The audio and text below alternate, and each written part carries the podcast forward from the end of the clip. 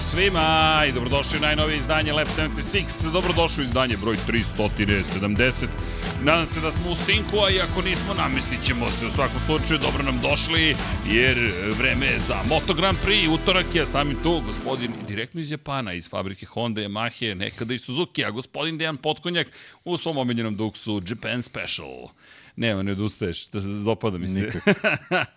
ja sam u plavim bojama, ne, ničim izazvano, ali podrška za Fabija, pravda za Fabija, kvartarara, naravno, ne samo za Diđan Anton. E, vidi, naravno, ne brinite, proći ćemo ceo uvod kako što i doliko ali realno razmišljam, Fabio Diđan Anton imao bolju sezonu od Fabija Kvartarara. Pobeda, tri plasmana na da. pobedničko postolje dobio je i, određuju. i, i bolji da. motocikl. Znaš kao, ti si svetski šampion u Moto Grand Prix. Sorry, ali Fabio Di Gerantoni na kraju bolje prođe. Tako da, za pravda za Fabija, kliknite like, naravno, mazite se i pazite se i vozite i vodite računa jedni u drugima, jer to je neophodno. U, generalno je neophodno biti dobar, ja bih rekao. Volite se, naravno, budite dobri, kliknite like, share, subscribe. Poziv svima, ljudi, subscribe, subscribe, subscribe. Znam da sam dosadan i najavljam unapred, bit ću dosadan, neću čak ne da kažem bit ću dosadan, Prosto to je deo onoga što nam je potrebno, da nas podržite i na taj način nije valjda teško like, jedan, jedan subscribe. Zašto? Pa time nas podržavate da nas YouTube još više gura i onda ste vi zapravo naši sponzori. Naravno, ko želi da nas i bukvalno sponzoriše, patreon.com kroz Infinity Lighthouse ili dugme join i na taj način gurate ekipu dalje, bolje, brže i tako dalje. Kupite knjige, nešto lepo sebi za, evo, cr crvena kapica, nije samo od crna, uzet ću ovu crvenu da je reklamiram sada, dakle možete i dve boje da se obučete kada je reč o zimi ili u japanski duks i tako dalje i tako dalje. I EPPS je prošao. Dakle, poenta jeste, ljudi, budite dobri. Deki, se osjećaš nekako praznično? Ne. I to bi bilo to. U duhu Zorana Živkova i Paje Živkovića. Srki eliminator. Sinoć su me pojeli, dakle, dva brata blizanca. Samo još deki da je bio ovde. Znaš koje je to bilo uživanje? Ma ovo ništa ne valja. Ma ove ulične staze, ma tilke. E, ali po, moram, nisam juče Zokija pitao da li on sluša Lab 76, pošto je na, došao do naš, do, dobio je potvrdu od gospodina Tilkija i starijeg i mlađeg da su stvari otprilike kako si ti pre svega naslutio kada je reč o dizajnu staze. Sećate da smo analizirali Tilkijove staze i na da, kraju došli do zaključka. smo krenuli s tim. Da, i došli do zaključka, pa možda on čovjek i ne može drugačije od ovoga da to dizajnira. I onda je gospodin Živko obavio, jel te razgovor, ispostavilo se da je to živa istina i da dobije vrlo striktna pravila šta mora da učini. Tako da, Ako smo mi pomogli u tom intervju Zorane, klikni like i subscribe. U svakom slučaju, ukoliko niste gledali sjedničnu epizodu, malo je drugačija bila, kao i uvek sa Zokijem, od uobičajenih. Malo smo analizirali, malo teoretisali, malo zavereništvo, malo levo, malo desno, ali je bilo zabavno. I u svakom slučaju, Formula 1 i dalje u skandalima, je, zna kako se to radi iz perspektive. Ja, drama je odjednom, pa i ja smo zaključili da je to zapravo Netflix van sezone.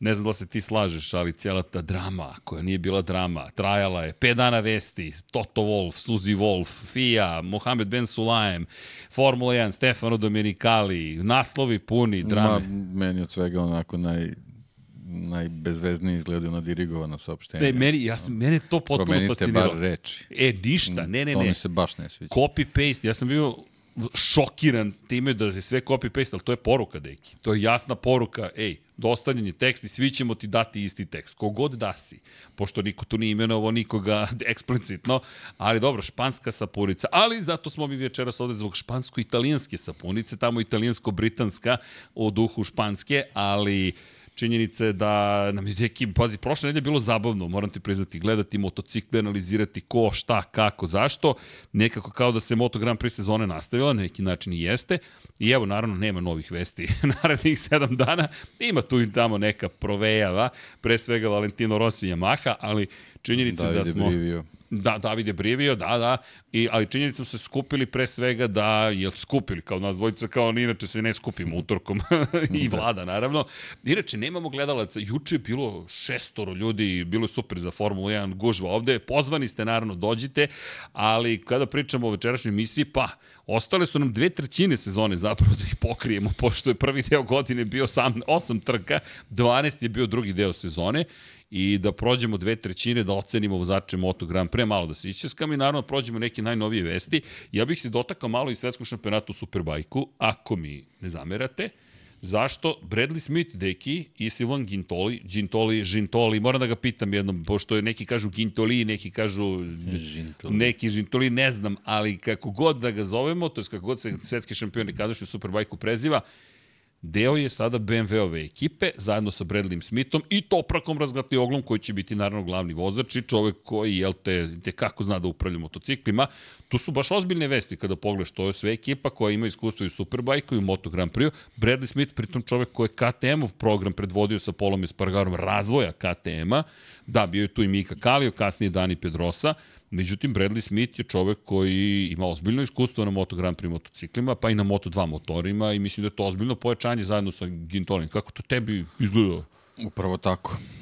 Ovaj, mislim, BMW je jedna jako ozbiljna ekipa, jako ozbiljan brend, tako da ovaj, imaju da kažemo, to iskustvo prvog ulaska u Superbike sa, sa, sa ogromnim ambicijama pre nekih, sad već ima 12-13 godina, ovaj, tada su na jedan drugačiji način pokušali da pristupe čitoj priči, ovaj, kroz sve ove godine su skupili iskustvo, sad kreću neki novi zaokret i ja mislim da od, da od ovog turnusa sa, sa ovaj, Toprakom mnogo toga zavisi, ako ne bude uspešan, mislim da će tu biti podvučena crta i da, da će BMW da se okrene nekim drugim ovaj, avanturama, tako da od Topraka mnogo toga zavisi, naravno ne može, ne može sam, tako da ovo je bilo potpuno logično da se oformi ta ekipa test vozača koji donose neko novo iskustvo, pre svega zato što i Superbike kreće u razvoj tehnologije, tako da trebaju, trebaju tu da budu momci koji su iskusili ovaj,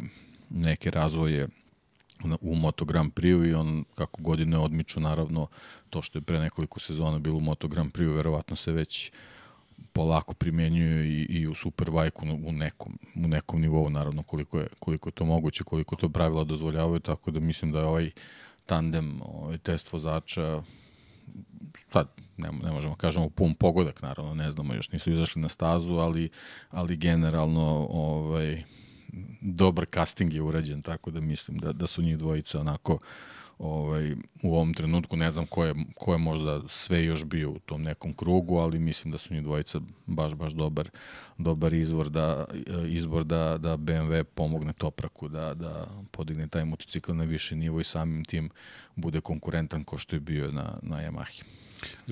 Lepo si rekao, dakle, za BMW nekako to je to. Ajmo, idemo sve ili ništa pa gotovo. mislim da je all in, da. Da je all da. in, bukvalno kod kockarski rečeno pokeraški, idemo na sve ili ništa i mi ćemo da evo, pokažemo i Topraku i svima celom svetu da smo mi spremni za još jedan taj korak koji deluje da je neophodan. Ako uspeju deki, to će biti zaista velika stvar za BMW. Da, velika, velika stvar je, bar po ovim izjavama što smo imali, ova prva testiranja su bila Toprak, onako i sam, sam govori da je zadovoljan motociklom, pre svega načinom kako se ovaj, privikao na, na promenu, to je kako se usaglasio sa motociklom u tim prvim vožnjama, tako da to je, to je jako važno da, da ta njegova adaptacija bude što kraća, da bi mogao što pre da isporučuje neke, neke povratne informacije koje su bitne u zbiru sa informacijama koje budu dobili test vozača. I čisto da stavimo, da, da budemo precizni po pitanju toga koliko šampiona ima BMW u istoriji svetskog šampionata u Superbajku tačno nema ni jednog. To jest nula ih ima, Ducati je 16 puta imao kralja u prvenstvu, uključujući prethodne dve sezone, Kawasaki uz dominaciju, jel te, Johnny Re od 2013. manje više, izuzetak je 2014. godina, kada je titulu osvojila Aprilija. Aprilija, tri šampiona, Kawasaki 8, Honda ih imala 6, Yamaha 2, Toparka razgatli i Bena Spiza 2021. to je 2009. I Suzuki je jednom osvojio titulu, daleke sada već 2000 2005. godine, ko se seća 2005. ali tada smo imali priliku da gledamo Troja Corsera kako na Suzuki osvaja titulu. Troj Corser koji se oprobao inače u BMW-u, nije, pa, nije on Troj uspeo. Corser je doveden, oni Ruben Đao su bili, bio, bili tandem koji u stvari trebao da, da u tom nekom prvom pokušaju, bukvalno za, za par meseci od BMW napravi pobjednički motocikl, onda su oni shvatili da to ne može baš tako, da, ne ide tako. tako lako da ide posebno što su imali, imali su tad nale Ducati, imali su Apriliju koja je ovaj, Dalinje, čini mi se da je već tad bio 10. 11. Nisam Da, baš 10, siguran. 11, Da, Dalinje je još da bio je tu, jeste. Dalinje bio Max Bjađi ekipa. Mislim, Da, 10 i bio, 12 su njegove Da, titule. bio, bio i nezgodan trenutak za, za BMW, ali kažem, ovaj, sa tim nekim iskustvom iz tog perioda, sa tim vozačima koji su tad imali i, načinom kako su tad pristupili razvoju, jednostavno ovaj, sve se to sabira i sad onako puno iskustvo i naravno budžeta koji je, koji je neophodan i koji BMW može i da, i da pruži, kreću po meni, eto, taj neki ne mogu sad kažem završni, ali taj, taj neki odlučujući pokušaj da probaju da, da, da ovaj, konačno osvoje tu titulu, vozači imaju odličan tandem test vozača, imaju donosi iskustvo, kao što si rekao, iz KTM-a i Suzuki-a, ovaj, te neke njihove razvojne korake koji možda mogu da se primene ne samo vezano za, za detalje na, na samom motociklu, nego možda i oko organizacije test ekipe i tako dalje tako dalje, ovaj, tako da mm, ovo je onako baš jedan ozbiljan iskorak ovaj, na, na, na više ovaj, frontova, tako da ako se to sve lepo složi, BMW u nekom krajnjem zbiru možda može da, da računa na, na taj pomak, a nama to samo može da zanese zanimljivije trke, ne, nema tu šta da pričamo, znači Ducati je tu gde je,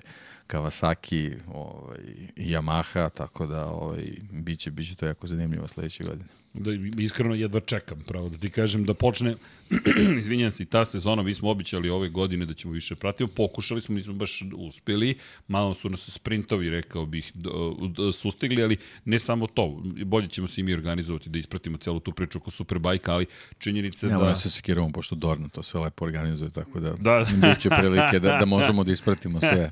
da, da, da, sve ćemo da izvedemo. Ne, ali, e, iako sam rekao da nema suštinski vesti, ima puno vesti koje, nema vesti možda koje su one klasične vesti, ali ima mnogo toga što se dešava. Moramo da krenemo od priče o Davidu Briviju. Ne zamerite, doćemo ćemo i do pregleda sezone i do ocena, ali hajde da ispoštujemo trenutni trenut, trenutak u kom se živi, a to je da je Davide Brivio potvrdio da napušta Formulu 1 i još nije rekao šta to konkretno znači, da li ćemo ga vidjeti u Moto Grand Prix ili ne, ali Deki rekao je doviđenja, neće više biti u Alpini i ne samo u Alpini, saopštenje koje je došlo do, do medija je do svih nas je zapravo da je Davide Brivio napustio Formulu 1. Bio je trkački direktor, posle tri godine međutim došlo do malih promena, sredinom ove sezone generalno se dosta toga promenilo, pričalo se o tome da će postati novi menadžer ekipe Honda, dakle HRC, Honda trkačke korporacije, Alpina je rekla da su uzajemno rešili da će se razići i da će Italijan tražiti druge prilike u svojoj karijeri. Šta god to značilo, ono što mi pretpostavljamo jeste da bi trebalo da zameni Alberta Puđa u Hondi. To su, meni deluje da smo 50% potvrde dobili. Bukvalno, klasična ona situacija, odakle odlaziš, kažu otišao je, a onda tamo gde dolaziš, kažu došao je. I ja mislim da ćemo mi zaista videti, ako se to desi, mi imamo Joana Mira ponovo zajedno sa Kenom Kavučijem, i sa Davidem Brivijem. Dakle, trio od, četvr, če, od četvorca, četverca koji su koji svoju titulu, Alex Rins je jedini koji nedostaje. Sad da je Alex Rins potpisao za Repsol Honda, da Marquez nije, ran, da je ranije Mark Marquez rekao odlazim u, u Ducati, mi bismo bukvalno imali Suzuki preslikan u Hondi, Pazi, to uopšte ne, ne deluje loše, moram da ti priznam, pri čemu je Miro Pa svoju ne titulu. deluje loše vezano za, za tu neku igranost, što se tiče Honda, deluje loše da, da, Još te, uvek, da je da. tebi potreban Suzukijev tim da bi, da bi se ti vratio, tako da ne, ne zvuči to baš Kad tako iz svih da, da, da. aspekata najlepše, ali, ali generalno ovaj, može da bude najpraktik, najpraktičnije. Sad vidjet ćemo naravno da li, da je prvo ovaj, istina ta, ta čitava priča oko, oko Brivije, jer tu ima jedan moment, Davide Brivio u junu, julu ove godine puni 60 godina, tako da to su već neki momenti veliko je pitanje koliko je on zasićen te cele priče, posebno u Alpini gde verujem da se prilično onako više psihički umorio nego, nego bilo, bilo kako drugo ako on, ako on pronalazi ovaj, uh, moment gde, gde može da ga zadovolji taj ogroman izazov vezan za, za ovaj, Repsol Hondu, pre svega zbog situacije u kojoj se Honda nalazi, ovaj, tako, to bi onda moglo stvarno da bude, da bude moment gde i on može da prelomi da, da ovo bude neki onako možda čak i zadatak karijere, bez obzira što je, što je u Suzuki osvojio i titulu, ovaj, znamo i sami da, da, da prvo ta sezona nije uopšte bila, bila jednostavna, mnogo, mnogo komplikovanih stvari se izdešavalo da, da, da, bi, da bi tako jednostavno moglo da se hendluje. Ovaj, tako da ovo bi bio onako pravi izazov karijere ako on to gleda na, na taj način, ako je mesto zaista upražnjeno i ako je potreban novi ovaj, menadžer, ja ne znam boljeg od Davida Brivio, posebno što vidim da neki, neki povezuju čak i Luku Marini u toj čitavi priči, zašto je Brivio sarađivaju Yamahi sa, sa Valentinom Rosijem i mnogi govore da Valentino pre svih znao u stvari da će Brivio da dođe u, u Hondu i da je zato i, i Luku savjetovao da potpiše taj ugovor, tako da ovaj, tu su ono konekcije sa više strana, tako da možda stvarno možemo da dobijemo neku, neku novu istoriju Repsol Honda. Istorija koja, eto, nekako čudno je povezana zapravo sa Valentinom Rosijem, Yamahom, pošto je Davide Brivi pre svega vodio Yamahu kada je potpisao ugovor sa Valentinom Rosijem i dobao iz Honda, a potom i sa Suzuki, ali nekako sve, sve ide u krug praktično. Ti kada pogledaš, nekako, ko političari. Dakle, oni koji su imao 2003. 4. 5. oni su ponovo tu. Dakle, Davide Brivio se vraća kao spasilac, čovek koji je 2004. 3. zapravo u Brnu tajne sastanke organizovao sa Rosijem u garaži Yamahi da ga dovede kao vozača Honda da testira Yamahu, to je da sedne na Yamahu i da ga, da ga, da ga nagovori nekako tokom tog leta u Ibici, na Ibici da potpiše ugovor sa Yamahom. Tako da, zanimljivo je to 20 godina, bukvalno 20 godina kasnije na vratima Honda. Ko bi, da. ko bi rekao da će pa tako dobro, stvari izgledati? To, to može da bude neki zatvoreni krug vezan za njegovu karijeru, da, da praktično buhvati tri velika japanska proizvođača. Da, I da sa svima da, osvoji titulu da, možda. To, to bi bilo onako stav. Zato kažemo, ovo zaista možda bude izazov njegove karijere, možda dolazi malo, malo prekasno, ovaj, možda ta, ta, ta epizoda sa Alpinom je malo poremetila neke, neke stvari, ali ovo, eto, ako, ako on pronalazi ovo, inspiraciju u tome, verujem da, da će se lako dogovoriti deluje da, da je dogovor na, na pomolu. To je moj utisak, čitam između redova. Spremni sam malo nego, mm, nego ti da kažem to možda. Deki je old school novinar, ja, ja malo ga guram u neku no, 21. vek, ali na granici. Dakle, ne govorim da se to desilo, samo da je to neko moje tumačenje. I hajde da vidimo. U svakom slučaju, ne zaboravite, Honda ima koncesije naredne godine, može da proizvede koliko god hoće motora i ne samo količinski, može koliko god hoće zapravo specifikaciju motora da proizvede, tako da Honda naredne godine može da ima u, u pet treninga pet motora različitih na testiranju, tako da Hondi su dali dosta široka vrata, moram ti pristiti, malo su nas vratili kroz, kroz vreme, jer ni jednom šampionatu trenutno ništa slično nije dozvoljeno i to je velika stvar i za Yamahu i za Hondu, tako da eto, vidjet ćemo Brivio kako će se u svemu tome snaći, mene delo da bi on bio, dobro rešenje, Pa ali ajde, čekamo. John Mir svakako je zadovoljan. John Mir koji je rekao da je ovo za njega jedinstvena prilika zapravo da bude čovek koji predvodi Hondu i da je to godina koja je e, zapravo pisao je to u razgovoru za autosport kao prelepu priliku koja mu se ukazuje.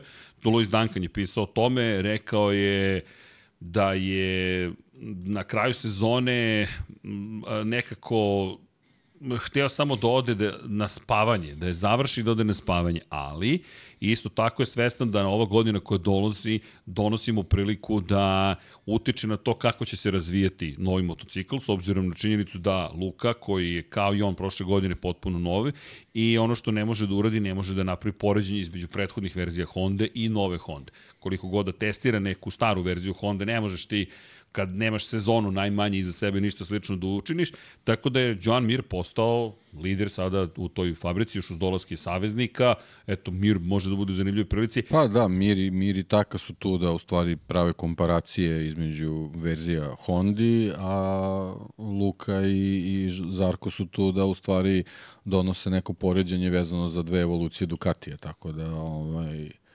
to je ono što, što je da kažemo, najsvežije u ovom trenutku i generalno vezano za taj kompletan ovaj, kadrovski zemljotres koji se desi u Hondi, nekako ovaj, taj jedini korak je u stvari ostalo da dobiješ tog nekog menadžera koji će u stvari da, da bude mozak svega toga i da u stvari uklopi tu čitavu priču na način kako se to radi u kriznim situacijama, pošto Brivio je... Honda je u kriznoj situaciji. Da, na putu da dođe u da. brod koji ne zna kud plovi. Da, Mada, da, da. El Periodico izvestio, o tome pisao baš Duncan, da su 8 kg zapravo smanjili, za 8 kg smanjili težinu RC213V Honda, deki 8 kg izgubiti na trkačkom vozilu bilo kojem, na Formuli 1 je mnogo, kamoli na motociklu, negde potvrđuje nešto što je rekao Fabio Quartararo, Fabio Quartararo je rekao posle ovih testiranja pre dve nedelje da je svestan da još uvek nemaju sve delove dugljeničnih vlakana. Inače, najveći problem je što zapravo veliki deo oplate još uvek nije proizveden od ugljeničnih vlakana, čime ti značajno povećavaš težinu motocikla. Da, pot, potpuno solo da je da razmišljamo o tome 2023. ali Yamaha, vidjet ćemo šta će da učini. Meri delo da je Honda mnogo spremni za sledeću sezonu, to je samo utisak ovako. Inače, Alex Rins se oglasio, mada, kada se spomenuo Zarka, moram nešto kažem.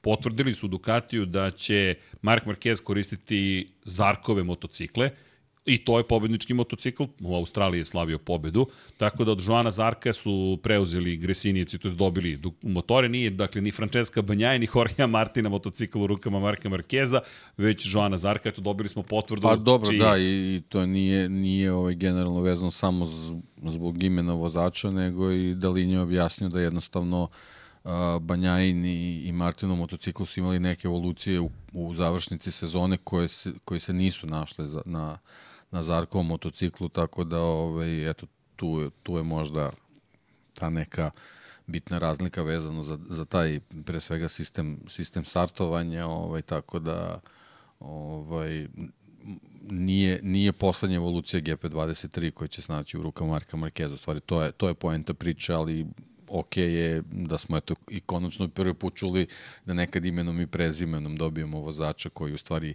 da kažemo, pozajemljuje motocikle ovaj, svom nasledniku sledeće sezone. Da, naslednik koji, eto, ima ipak i dalje, kaže, pobednički motocikl, ali meni to zanimljivo, dakle, da smo dobili potvrdu, jer to je jedno od pitanja bilo, pitao sam u Valenciji, ili neko zna koji motocikl, nisam jedini sigurno pitao, tako da smo dobili odgovor. A i Alex Rins, kada smo ga već spomenuli, se oglasio po pitanju razlike između Yamaha i Suzuki-a i rekao da je dosta drugačiji motocikl.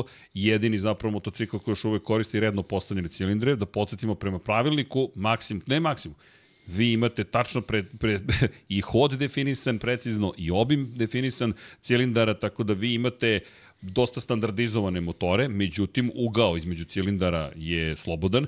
Kod Yamahe postavljeno je, redno je postavljen motor, kod svih ostalih je u V4, zavisno od toga, od proizvođačevih zapravo želja i da kažemo posmat, ne posmatranje, nego ideja koji će biti najefikasniji, zavisi ugao pod kojim se nalazi, ali Aprilia je V4, Honda je V4, KTM V4, Ducati V4, to je L4, uglavnom je nisko postavljen taj prednji red cilindara i dan danas, većinom pod uglom od 90 stepeni i Yamaha koji je izuzetak, Suzuki je koristio taj motor u ovoj eri do, do 2012. 11. kada su se takmičili sa prethodnom verzijom su koristili u V rasporedu, međutim Alex kaže nije ljudi u tome toliko velika razlika pre svega u aerodinamici i rekao je da na ulazku u krivine može duže da ostane na kočenju kada ulazi u krivine, što njemu odgovara. U svakom slučaju Rins vozio sa Hondom pobeđivao, vozio Suzuki pobeđivao, evo ga na Yamahi, deluje mi da će on biti baš dobar dodatak Yamahi. Da li mogu da ga iskoriste, vidjet ćemo. Ali eto, neke prve te informacije stižu.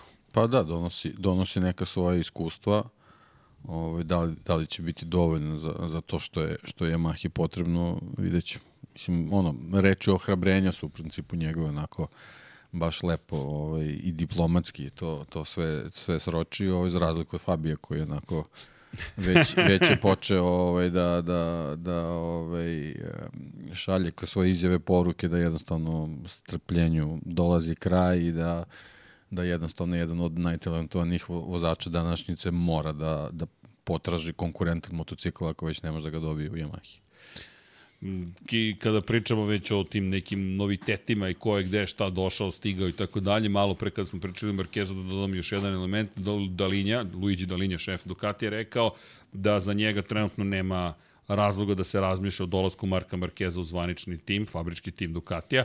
Ja ću podsjetiti da je Dalinja u avgustu ove godine govorio da Mark Marquez ne dolazi u Ducati, tako da ne bih baš težinu dao tim izjavama, mislim da Dalinja mora da kaže u ovom trenutku. Više će reći svako ko nije Luigi Dalinja, Dalinja će post festum verovatno davati informacije, ja mislim da o tome vredi te kako razmišljati, ali tek kad budemo videli rezultate, u svakom slučaju dosta je pitanja na tu temu, šta će se desiti, rekao je nama, je trenutno sve dobro organizovano, sve funkcioniše, imamo dosta kvalitetnih vozača i ne bih za sada ništa dirao, otprilike to je poruka. Međutim, možda neće on hteti da menja, ali iz ekipe VR46 stižu informacije da oni žele da budu ili mnogo važniji tim u okviru Ergele Dukatijeve, bliži Pramaku, a dosta se priča o tome da bi mogli da pozapočnu saradnju sa Yamahom, s obzirom na činjenicu da R46 i Yamaha očigledno imaju. Pa da, ali znaš kako, ovaj, sledeća sezona će onako prilično izdefinisati tu čitavu priču. Znači, Pramak ima, ima svoju poziciju koju ima, pre svega zato što, što ima vice šampiona u, u svojim redovima i vozača koji je praktično fabrički vozač Ducatija, bez obzira što nije na crvenom motociklu. Imamo ovaj, da kažemo, rekonvalescenta u redovima ovaj, fabričke ekipe, gde takođe trebamo u stvari da vidimo se iskristališe ta situacija, kako će biti, šta će biti. Znači, to su dve ekipe koje su apsolutno jedan i dva u toj čitoj priči, mislim, bez, bez ikakve dileme i onda naravno imamo imamo Gresini koji se već prošle sezone nametnuo kao, kao uh, jako važan ovaj tim što se tiče ovaj tog nekog da kažemo, i razvojnog puta Ducati je generalno njihovog nastupa, a posebno, ovaj, ne znam, da li uopšte trebamo ponovno da spominjemo sledeću sezonu i, i ovaj, Gresini Marquez tim koji u slučaju kvalitetnijih rezultata, da ih tako nazovem, može prilično da da uđe ovaj, uh, u, u ozbiljan fokus, tako da na VR46 ekipi je da, da i njihovi vozači ovaj, budu na tom nivou. E, inače, kada govorimo o Ducatiju i generalnoj situaciji i o, hajde, i vozačima, zanimljive komentare dao Jorge Lorenzo, petostruki šampion sveta sada, pandit, što kažu englezi, čovek s mišljenjem, ajmo tako da nazovemo, e, čovek koji je rekao da je jedan od razloga što je on došao, što Ducati bio dalinja, pošto uvek pravio superiorni motocikl, 125 kubika u Superbike u Moto Grand Prix, rekao zato sam mi napustio Yamahu za Ducati, zato što sam htio da radim sa Dalinjem, jer sam znao da će Ducati biti najbolji motocikl u nekom trenutku. I kaže, Dalinje je tvrdoglav i tehnološki superiorni motocikl sada imaju, ali je dodao da postoje dva problema što se njega tiče kada je reč o situaciji Marka Markeza. Jedan je zapravo to što Mark Marquez može da ode posle jedne sezone, pun znanja tome kako funkcioniše Ducati, bilo gde može da ode, i s druge strane mišljenje da može da pobedi i Banjaju i Jorgea Martina i da zapravo će pobediti u velikoj broju trka naredne godine. I rekao ne kladim se, ali kada bih se kladio, kladio bih se na Markeza, što je negde još jedna potvrda da svi gledaju u tom smeru, ali i takođe dodao još jednu zanimljivu stvar, da nisu baš svi u upravnom odboru bili za dolazak Marka Markeza u Ducati, da je Dalinja bio taj ko je to želeo. Vrlo se sla, slažem s njihovim razmišljanjima. Ne, ne, sam da... ne zbog rezultata koje Mark Marquez donese, nego jednostavno zbog situacije. Zbog tog nekog puta kojim je Ducati krenuo, koji može ozbiljno da se poremeti, a vidit ćemo kako će sve teći sledeće sezone. Da, Deki se suzdržava od komentara pošto ne voli kao ja te zalete, ali Deki jedva čekam, mnogo je priča. E, inače, kada pričamo o Aprili i tim titulama, da ne zaboravimo da je Gintoli koji je otišao u BMW sa Aprilijom u svoju titulu. Gintoli je poznat dosta kao Suzuki probni vozač, ali da ne zaboravimo nije sa Suzuki u svoju titulu. Od tri titule Apriline, dve su Bjađeve, jedna je Gintolijeva. I zašto kažem Gintoli? Da je GI bio bi Žil, to je Gintoli, ali GUI, koliko se sećam transkripcije, beše Gintoli, pa da znaš... Saznaćemo, ispitaćemo. Saznaćemo, ali da, da znaš, to mi nekako ostalo u glavi, pa ne zamerite, pošto Deki kaže Žintoli, ja kažem Ma Gintoli. Ja se više šalim, tako da nije... ne, ne pošto nemam pojma u nemam principu, pojma, moramo pitamo čoveka, dakle, da. ali u svakom slučaju, Sil, Silvan je tu. Da. I to... Možda gledalci znaju. Ljudi, u četu ste, nadam se. Čekaj, nisam ispratio čet. Mi se raspriča smo. Rekao smo pregled sezone, a mi odosmo o, o, o, o, o, o, da priču najnovijim vestima. Ali klikni, e, imamo 76 lajkova. Ajmo 176 lajkova. U svakom slučaju, da, evo Draga Matić kaže, odlučuje Audi. Ne, nije baš to tako. Audi se dosta pita, ali Audi nije mogao ne, bez dalinje nema, nema ovoga. Nije, nije to tako crno-belo ko će da, da odluči ko će za koga da vozi. Da Audi dosta se pita, ali bez dalinje, verujte, u jednom upravnom odboru nećete doći reći čoveku kojem je stvorio ovo i reći baš nas briga šta ti imaš da kažeš to tako nikad ne funkcioniše, odnosi snaga su uvek u kompanijama dinamični, recimo to tako, i uvek trgujete Dakle, dakle, e, ono što govorimo jeste da, inače Debanče kaže da on je ipak rekao samo Budala ne bi želeo Markeza. Jeste, ali isto tako i rekao da ne dolazi Mark Marquez. U svakom slučaju, kako god to je Mark Marquez, bit će zanimljivo sledeće godine videti. A kada je reč o onome što, što sledi 2024. pa dosta zavisi od onoga što se desilo 2023. Što me dovodi zapravo do onoga što smo i rekli da ćemo večeras da radimo, a to jeste da pričamo o o sezoni iza nas. Nekako čudno kada to radimo par nedelja kasnije, ali čujte, testovi su se, jel te, komentarisali smo prvo kraj sezone, poslednju trku, pa onda testove. Nekako bili smo dužni, ja mislim da uradimo testo, ja stvarno u Španiji nisam imao više snage, evo, najzad sam počeo da spavam, pa ličim na čoveka, ali, ali moram ti priznati da, evo danas kad smo se tijela dopisivali oko thumbnaila, Znaš ko je moj utisak broj 1 zapravo ove sezone? Sve sam razmišljao iz perspektive vozača, pošto ocenjamo vozače. Ali znaš šta je meni čista desetka? Njih dvojica. Zapravo, bukvalno, Francesco Banjaja, Jorge Martin. I zato smo i ti ja negde na kraju rekli thumbnail, njih dvojica na thumbnailu. To je pravi opis sezone, ja bih rekao. Pa vidi, mi imamo skoro čistu desetku zadnjih nekoliko sezona unazad, što se tiče duela vozača koji, koji se bore za titulu, tako da Samo neko ostane tako. to, to, to, to, Nemam to. ništa protiv. Kada pogledamo 2019. poslednje godine dominacije, 2020.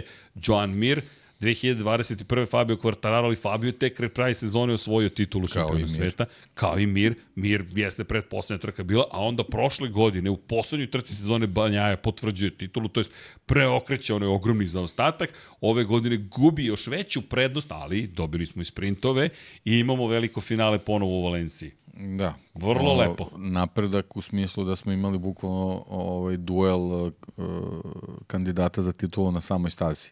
Da. I to je to je onako ovaj veliki pomak i kao što se ispomenuo, znači uz uz utisak da je taj taj duel onako obeležio sezonu naravno što je što je i, i, i prirodno i, i, i ovaj, veoma pozitivno. Ono utisak sezone su sprint trke. Da, da, Nešto što je ovaj što je potpuno promenilo i profil i filozofiju takmičenja u Moto Grand Prix. Promenilo je sport kompletno. Bukvalno i sport i način na koji posmatramo, pa i mogu ti reći trkačke vikende, jer kada pogledaš kako sada ti pristupaš zapravo trkačkim vikendima, na jedan dosta drugačiji način, makar iz perspektive onoga što je ranije bio slučaj. Znaš da je trka u nedelju, kvalifikacije su u subotu. Ne, ne, sad je sprint u subotu, kvalifikacije su u nedelju. Cilj jeste bio između ostalog da više publike dođe i na stazu subotom i da više ljudi gleda trke u subotu nego ranije, pošto sad da, ulog je već... sezona, kako je tekla, pokazuje nam da, da nismo ove godine imali sprint trke, imali bismo, pričali bismo u stvari o dominantnoj odbrani titule Francesco Banjaje. Da, da nismo imali sprint, to, to, je, to je vrlo lep zaključak zapravo. Ne imam utisak da u Moto Grand Prix ne možemo baš kao u Formuli 1 da idemo vozač po vozač ocena sezone. Mnogo je drugačije ove godine bilo i to je pohvalno Moto Grand Prix zapravo, da nas je doveo u situaciju da ne možemo da kažem, e, Banjaja ocena je ta i ta. Uf, ne možeš Banjaju bez Martina i obrnuto, ne možeš Martina bez Banjaje, a ne možeš ni Becekije da ubaciš u celu tu priču bez njih dvojice i kada pogledaš na kraju sezone, pre svega vodeća dvojica, ali i Marko je začinio Apsolutno. Ako su njih dvojica glavno jelo, pa ovo je neko toplo predjelo je, je ispao škorpion, ali zaista je mnogo lepo što smo mi imali zapravo na kraju prvog dela sezone, da podsjetim, mi smo zatvorili godinu velikom nagradom Holandije.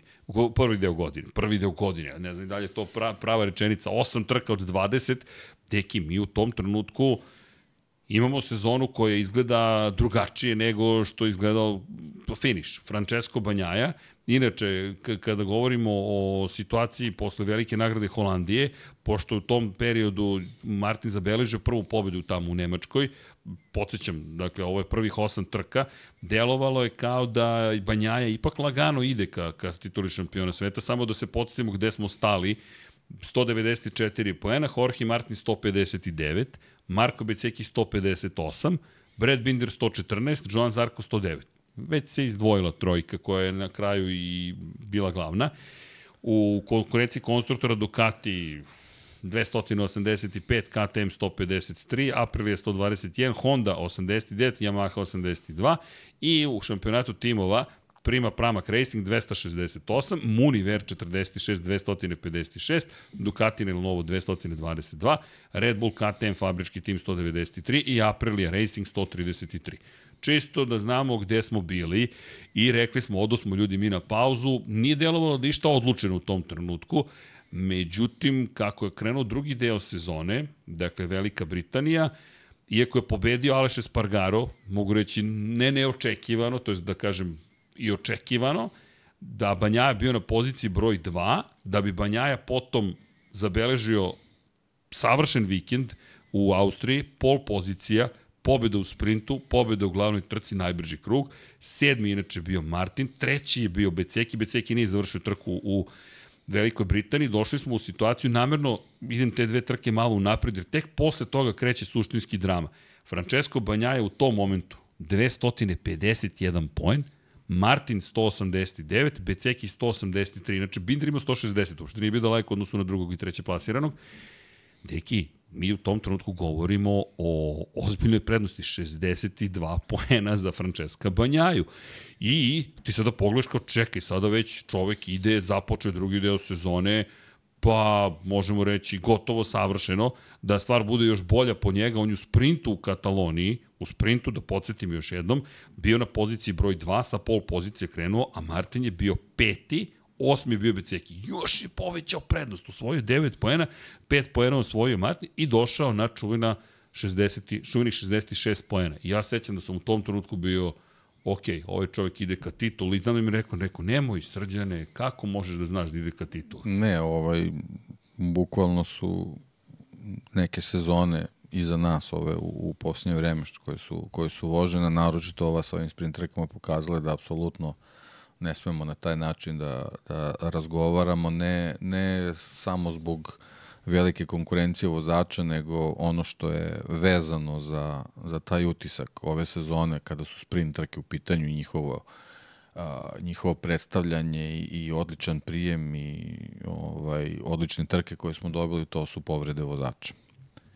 O, ovu sezonu su generalno obeležile povrede, što zbog tog dinamičnog nastupa koji je vezan za sprint trke, što zbog te neke učestalosti koje se možda, možda i, i dešava zbog toga što imamo preveliki broj i tih takmičenja ili jednostavno ovaj, vozači možda još se nisu, nisu ni prilagodili, niti su uopšte upoznati sa, sa svim iskušenjima koje donosi takav ovaj, trkački vikend, ovaj, a generalno ta, ta povreda, u stvari ta, ta, taj nesrećni incident koji ima Peko Banjaja u, u Kataloniji na, na, na glavnoj trci, čak i nevezano za sprint, je u stvari moment zbog kojeg nećemo ni znati da li bi on možda već od tog trenutka, pošto vidimo kako je generalno u finišu izbalansirao sezonu, da li bi on od, od tog trenutka već lagano iskormilario i, i došao u nekom možda ranijem trenutku do titula. To je jednostavno neće biti moguće ovaj da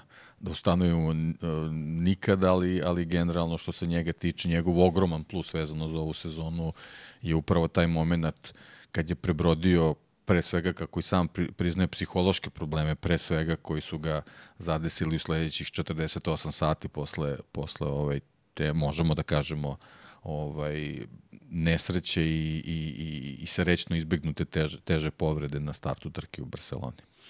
Inače je rekao sada na kraju sezone, ono što si i ti napravio na samom uvodu, rekao Martin je bio jači od nas u sprintu, ali smo mi bili jači u nedelju. I to je na kraju, na kraju negde bila zaista ključna razlika kada pogledaš, ja kažem, ubrz, ne ubrzati, nego ići ćemo priča, ovo je priča, ovo nije Formula 1 zaista drugačije bilo ove godine. Niko Max Verstappen ne da nije ugrozio. 19 pobedu, 22 trke.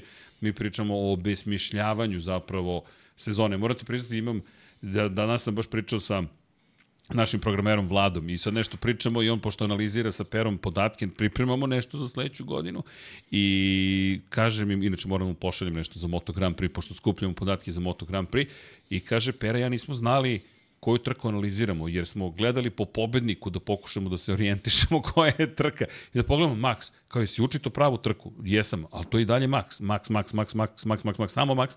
I onda su počeli da gledati druge, treće pozicije. Šta hoću da kažem? Da je ova godina za mene u Formula 1 zapravo bila istorijska, znaš na koji način? Za 10 godina ćemo se okrenu, osvrnuti na 2023. reći, sećaš kad je Max ono, oborio rekorde stare 70 godina i tako dalje. Ali ovo je potpuno druga ta sezona gde je, što ti kažeš, nepoznanica šta bi Banjaja učinio u celoj priči, s obzirom na činjenicu da smo mi imali čoveka koji je pokazao, pazi njegove rezultate u nastavku posle tog pada u Barceloni. Treći u Mizanu, pad u Indiji i više nije pao u glavnoj trci posle toga. Nije čak više uopšte pao trkama u sprintu u Australiji, samo, samo nije bilo sprinta u Australiji, ali Japan, druga pozicija u nedelju, treći u sprintu. Indonezija, pobeda u glavnoj trci, osmi u sprintu. Australija, drugi u glavnoj trci. Tajland, drugi u glavnoj trci, sedmi u sprintu. Malezija, treći, treći i u sprintu i u nedeljnoj trci. Katar, drugi u glavnoj trci, peti u sprintu. Valencija, peti u sprintu i pobeda. I kada pogledaš tri pobede u nastavku sezone u preostalih 12 trka, on je više pobede imao u prvih 8 trka sezone, 4 od 8, u nastavku samo 3, ali kada uzmeš u obzir ovaj pad i kako je pristupio sezoni, da li je Alan Prostovski bio moment? Moguće, mislim da je to veliki kompliment za Banjaju.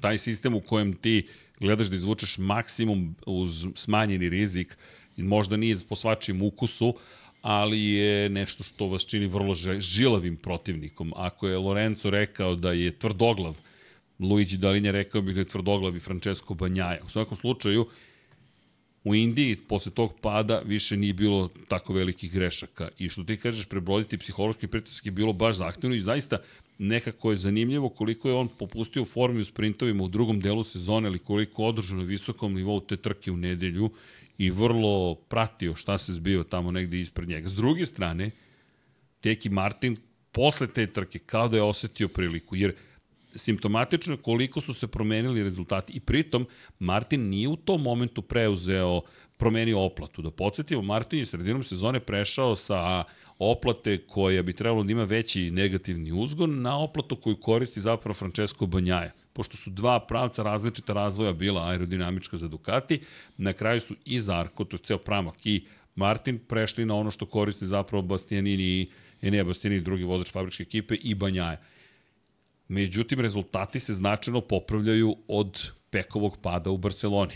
I Martin koji je krenuo u ofanzivu. To, to je moj utisak. Pa ne samo ofanziva, nego meni se, meni se ovaj, svidio generalno i njegov nastup i, i sve izjave koje su bile u tom trenutku. On je stvarno onako psihički delova potpuno rasterećen. To je naravno delovalo kao vožen na sve ili ništa, ali u stvari on je, on je bukvalno se pripremao iz trke u trku, mislim i na sprint i na glavnu trku bez ikakvih opterećenja, bez ikakvih pritisaka i to je u tom delu sezone apsolutno urodilo plodom. Jorge Martin, morate priznati, za mene je ozbiljno sazrevanje se desilo u tom momentu. Iako je rekao, to je zanimljiva meni izjava, Martin koji je rekao da mu uopšte nije prijelo to što je bio pod pritiskom borbe za titulu šampiona sveta. Da, to se, da, to se kasnije desilo i, i to je u stvari promenio taj stav iz, iz da kažemo, prvog dela a, nastavka sezone, da je, da je tako bilo, ovaj, verovatno bi možda ishod šampionata bio drugačiji, ali generalno kad je krenuo ovaj, da osjeća taj, taj veliki pritisak mogućnosti da osvoji titulu i, i njegovi nastupi su se donekle promenili, ali bez obzira ovaj, da, da, da pređemo na onaj, na onaj deo što smo i najavili ovaj, kada je, kada je ova emisija u pitanju, što se tiče Jorge Martina, od mene čista desetka. Izvini, vlada mi pokazuje da mikrofon nije u mom smeru. Jer sam popravio situaciju. Odlično. Odlično. Čekaj, de, deki, sad crescendo sam propustio. Dakle... Čista desetka za Jorge Martina. Znači, generalno uh, ostaje ogroman žal za Indonezijom i, i što nismo imali trku ovaj, uh, što nismo u stvari imali redosled trkačkog vikenda na ostrovu Filip kako smo trebali da imamo, jer to je, to je bio taj ključni trenutak Jorgea Martina da je možda mogao sve da prelomi na svoju stranu. Indonezija, eto, taj, taj nesrećni pad koji se možda desio upravo zbog tog pritiska koji u tom trenutku počeo da osjeća direktno rivalu do, poklonio praktično 25 bodova, a ta Australija u stvari možda po meni i, i taj neki ključni moment koji u stvari uh, presekao Jorge Martin u tom njegovom naletu, jer, jer da je imao trkački vikend kako je trebao da ima ovaj, trka je pokazala da bi verovatno sprint bio njegov i sa ovaj, iskustvom iz tog sprinta verovatno bi u trku ušao drugačije i ne bi se desilo ono što se desilo. Znaš šta je zanimljivo meni? kada pričamo o Jorgeu Martinu što je rekao i posle trke, rekao je zapravo da je za njega najveći problem bio taj period između velike nagrade Tajlanda i velike nagrade Malezije. Tad smo imali dve nedelje, pa dve nedelje. Imali smo jedan slobodan vikend zapravo, a Martin je po završetku trke na Tajlandu rekao ja bih voleo da se sad sledeće nedelje vozi, uopšte mi ne prije da prekinemo ovaj ritam i ovaj tempo i kao da imao previše vremena da razmišlja, kao da taj period nije mogao da podnese i tu dolazi Banjajno iskustvo. To je moje mišljenje, gde je Banjaja već šampion sam, nosim broj 1, da, težina broja 1 postoji, ali znate šta, postoji moć broja 1, jer Tako to je. su dve strane iste medalje. Ja sam broj 1, čekaj, ja sam ovo već uradio, čemu brinem ja? Ja znam kako se ovo radi. Ja sam preokrenuo Kvartararovu prednost prošle godine. Fabio koji ove godine zaboravljen. Pri čemu? Pitanje je da je Fabio odbranio titulu, da li bi baš bio tako, tako zaboravljen, bila tako zaboravljena sezona ili bi možda neko u Japanu rekao, čekam, mi usvoji smo titulu ili, ili se možda ništa ne bi promenilo. I kako god, vidiš Martina u nekom drugom raspoloženju, dolazi Malezija koja kao kec na 10 dolazi zapravo Banjaj, pre čemu se kao duh iz lampe čarobne pojavljuje kod da je neko protrljio Ducatijevu crvenu lampu Enea Bastianini, koji M štiti u sprintu, Banjaju, M pobeđuju i svima stavljaju znanje, ne razmišljate uopšte o pobedi u nedelju i to sve nekako Martinu ne ide baš u prilog cela priča i Martin koji tu popušta. Ali, da desetka, slažem se, samo što imam pitanje, šta onda dati Banjaj?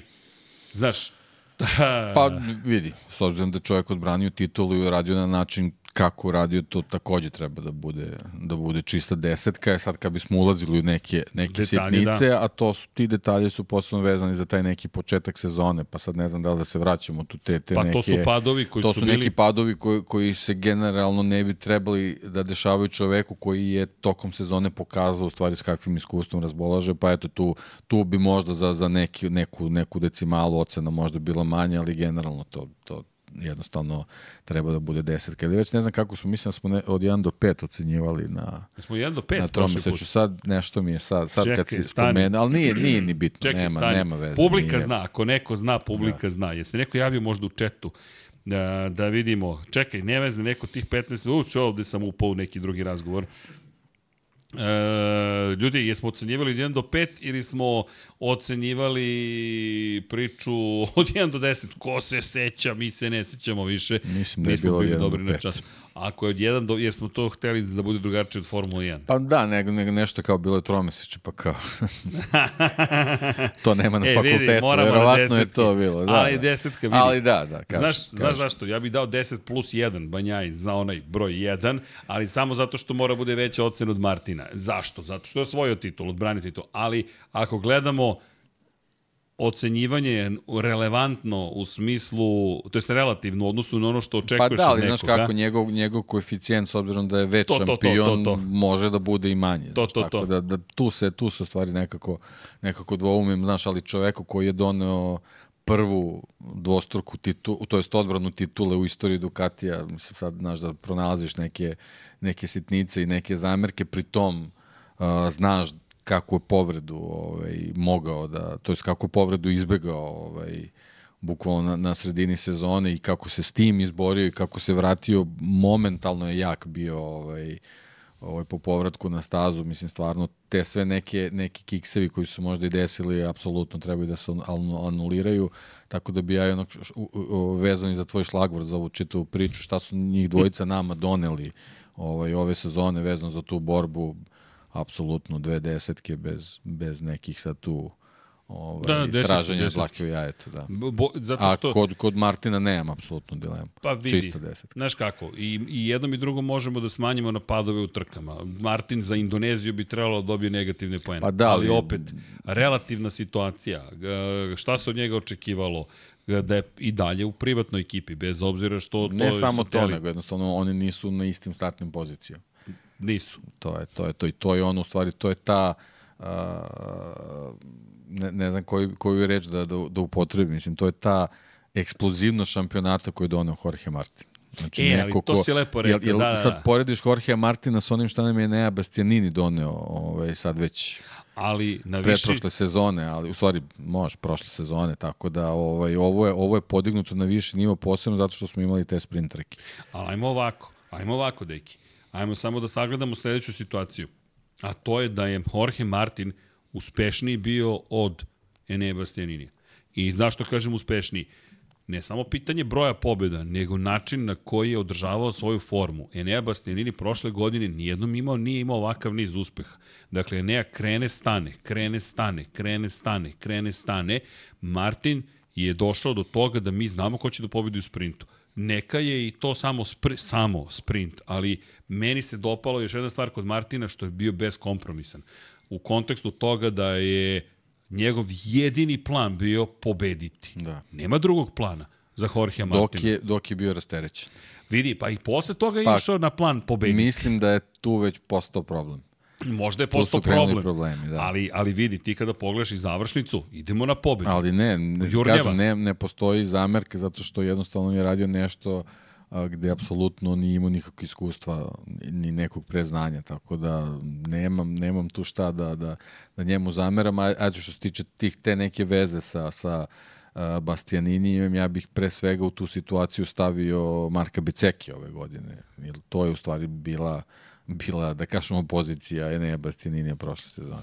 Mm, Može, okej, ali samo, samo, samo bih voleo da budemo svesni toga da je Martin još viši nivo postigao. Apsolutno. I to nije mala stvar. Ljudi, to je velika stvar. Mi sada pričamo o, o momku od koga je Deki očekivao uspehe u sprintu, ali Deki nisam baš, ne znam da li si očekivao da će se boriti za titulu, da će na kraju biti Pa novo iskreno, nivo. da, iskreno. Jesi? Nisam, nis, ne, ne, ne, nisam, Nisi? nisam, nisam očekivao da će moći prvo da, da izdrži ovaj, uh, da, da, da čitavu sezonu izgura na taj način. U stvari, on je, on je i- tu pokazao svoju, svoju zrelost koju je jednostavno onako, uh, kako bih rekao, uh, svesno je koristio uh, tu situaciju da može da koristi sprint, da uči kako se u stvari vozi Grand Prix ponavljam, da nije, dobro. da nije bilo sprinta, Banjaja bi pet trka pre kraja obezbedio titulu. E, ali znaš šta mi je tu zanimljivo? Sad, pazi sad ovo. Um, Banjaja je loši bio u sprintu, ali zato sprint je još bolje koristio da naud da se pripremi za Grand Prix trku, Tako za je. veliku nagradu. I sad, ajmo, ajmo da se igramo sad fantaziranja. Zamisli, nema sprinta, Jorge Martin, da li bi on mogao da upravlja gumama do kraja trke? Ili bi opet bilo pa, prvi deo, da, Banjaja, onda Ostrovo Filip je pokazalo. Da, Ostrovo Filip je, da, okej. Kaže, tu su meni, meni to mi je, to okej, mi je okej. prelomna trka gde je u stvari pokazala koje su slabosti Jorge Martin. No, ok, ok, razumem te šta govoriš. Dobro, dobro, dobro, dobro. Ne, ne, ne, ne, samo mi je zanimljivo to što pričaš, zato što... Uh, Peko Banjaja ne bi ništa izgubio uh, ovaj, Bez sprinta. bez sprinta, zato što bi on, on bi imao jedan trening više, imao bi kvalifikaciju u subotu, on bi njih koristio za pripremu za trku. Da, ali mi je zanimljivo Kao što da je, je, kao što je koristio da je ranije. Peko bio tako dobar u sprintu na početku sezone, a popustio na kraju sezone. Ali on je sam rekao, kad je Martin shvatio kako... Pa teško da, da da vozi. popustio, mislim da je stvari samo kontrolisao situaciju u nekim trenucima. Aha, ja sam si okej. rekao kako je bio dobar u sprintu kad se vratio posle povrede. Da, da, okej, okej, okej. Znaš, tako da, da ne, ne može da Misliš se da je kaže... kontrolisao po potrebi Pa- šta mu treba? kontrolisao je kad je postojala mogućnost da bude taj koji kontroliše. Znaš, naravno ti imaš još 20 vozača tu, ne, ne možeš Koji nešto baš- žele. koji nešto žele i videli smo tokom sezone, pojavili, pojavljivali su se tu ovaj, raznoranci, raznorazni momci uz naravno Marka Becekija koji je prilično ovaj, remetio planove tokom sezone. Da vidi, Marko, ajmo da, da Marko ubacimo u cijelu ovu kalkulaciju odmah, zato što Marko zaslužuje ozbiljnu pažnju. Marko igrao važnu ulogu do pada na, na, na, na ranču. Tako je. Baš igrao Tako je. važnu ulogu i ti kada pogledaš Beceki, pogotovo pobedom u Indiji. Dakle, pobeda u Indiji, jer Beceki kako je započeo drugi deo sezone? Pol pozicije u Velikoj Britaniji, drugi u sprintu i onda nezavršena trka u Silverstone. Nezavršena trka i to pad u kom momentu, kada on pokušava zapravo da se izbori s Banjajom i to na početku trke. To je, to ja mislim, ja mislim da to je ključni pad zapravo za, za Becekija, jer kao da u tom trenutku popustilo samopouzdanje. Meni je to je moj utisak nekako bio. Kao da je, pot, kao da ta greška zavetrina povukla ga sa spoljne strane itd. itd. kao da je moment u kojem Marko Beceki zapravo gubi malo samo kontakt sa, sa njima dvojicom. Treći je u Austriji, nije završio sprint među osvačima poena. Osmi je u sprintu u Kataloniji, 12. je u glavnoj trci. Onda dolazi Mizano, drugi, drugi, gde ih pobeđuje sve Jorge Martin i to na čuvena izjava, na, njihovom te, na njegovom terenu i to posle pada Banjajnog i dolazi onda Indija gde on osvaja pol poziciju, ima kontakt sa Lukom Marinijem u prvoj krivini, završava ipak peti u sprintu, pobeđuje i ostvaruje najbrži krug trke. E, to je baš i dominacija. Ta Indija je bila potpuna dominacija.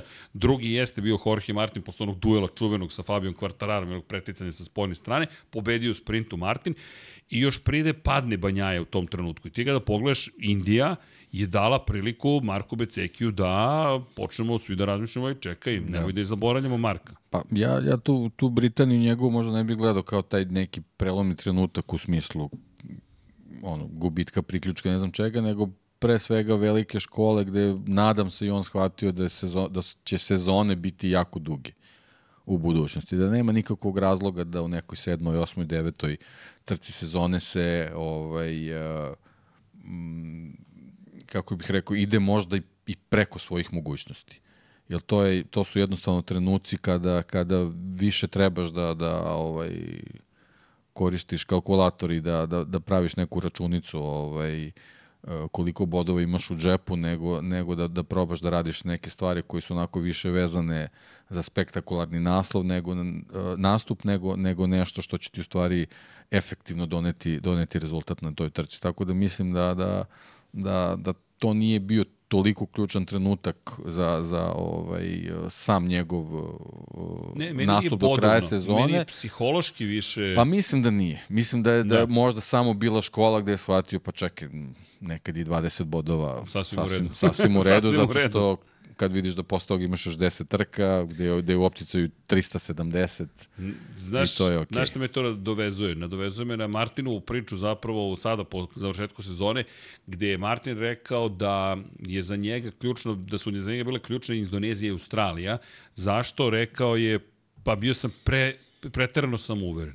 I to je taj čuveni moment overconfidence, kada si, e, bukvalno je rekao, u tom momentu, pre Indonezije, poverovao sam da ja mogu da pobedim uz 5 sekundi prednosti sa bilo kojom gumom, da mogu da radim šta god hoću da ću ja pobediti. To, to, to lepo je što, što je iskren u tome da, kako je pristupio on je situaciji. tako i djelovao, to je jednostavno tako je njegov to. nastup bio i onda kažem, dešava se ta Australija po meni ključni moment sezone gde nemamo kompletan trkački vikend, da smo imali subotu kako smo trebali da imamo, Jorge Martin bi pobedio na još jednom sprintu i potpuno bi rasterećen ušao u trku sledeći dan i, i to bi apsolutno anuliralo Indoneziju i taj neuspeh i onda bi možda na, na krilima tog rezultata i sledeće dve, tri trke možda uh, na, nastavio sa tim svojim stavom da, da se ne opterećuje borbom za titulu i kažem, možda bismo imali drugačiji, drugačiju završnicu, ali to jednostavno ne, ne možemo da, da znam. Meni je iskreno ta guma u Australiji da. velika stvar. Indonezija, ok, pada se, ali e, i činjenica da se on vratio u osvrtu na sezonu na gumu, na izbor gume. Pa ne, evo kad pogledaš, izvini, ta, ta njegova Indonezija je ravna Argentini Peka Banjaje. Na primjer. I, i to, to, to je Engleskoj e, Marka Vicekija. To su otprilike, da kažemo, nek, neka tri odustajanja na, na istom nivou. To je otprilike to.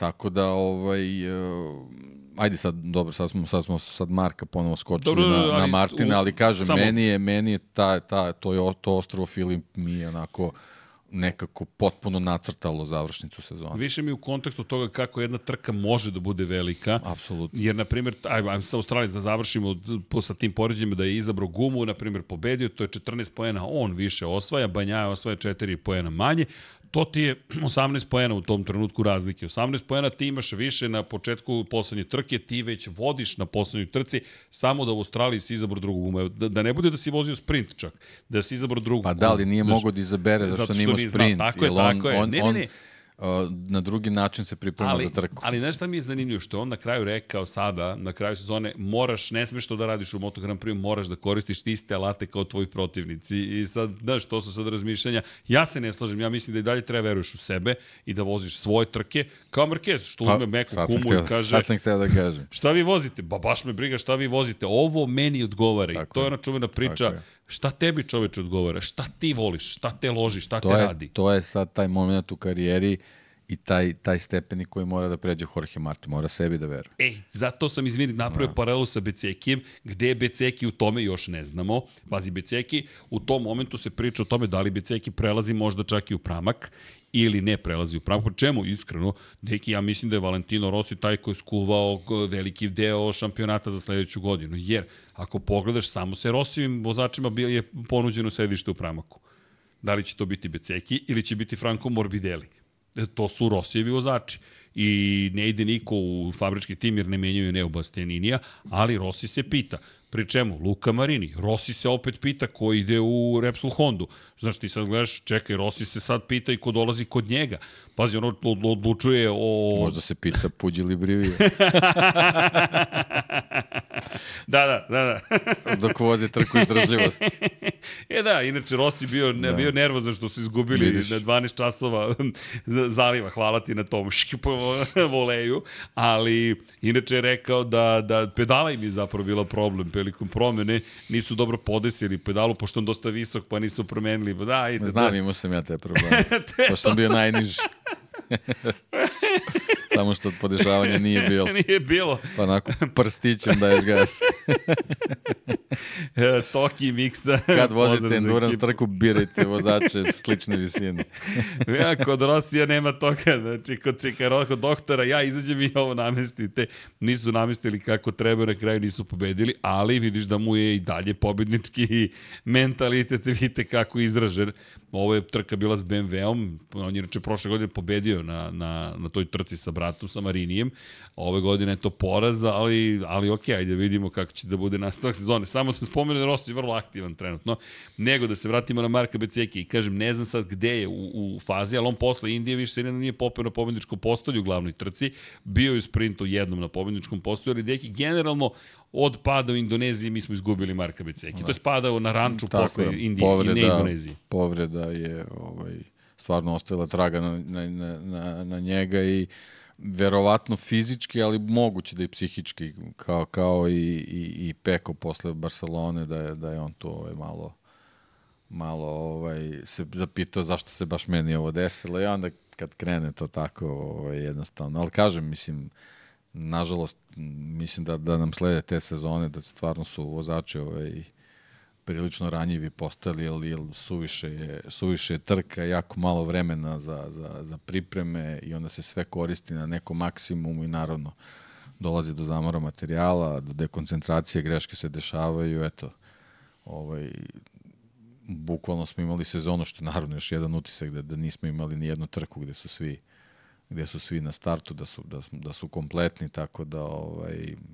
eto i Marko je, Marko ima tu, tu povredu koja ga je bukvalno po meni izbacila iz te, te borbe za šampionsku titulu i sad naravno nije on kriv zbog toga, ali eto generalno da ne bi sad delili neke čiste desetke i dalje, eto njemu možda možda neka, neka malo niža ocena, ali neću je dati ovaj, u skladu s njegovim brojem, nego nek bude s Martinatorovim, pa nek bude 989. De, opa, visoka da. ocena. Da. Visoka ocena. Čekaj, deki, da te pitam, mi smo mi tu ljuti na Formulu 1. Jesmo, jesmo, jesmo. jesmo.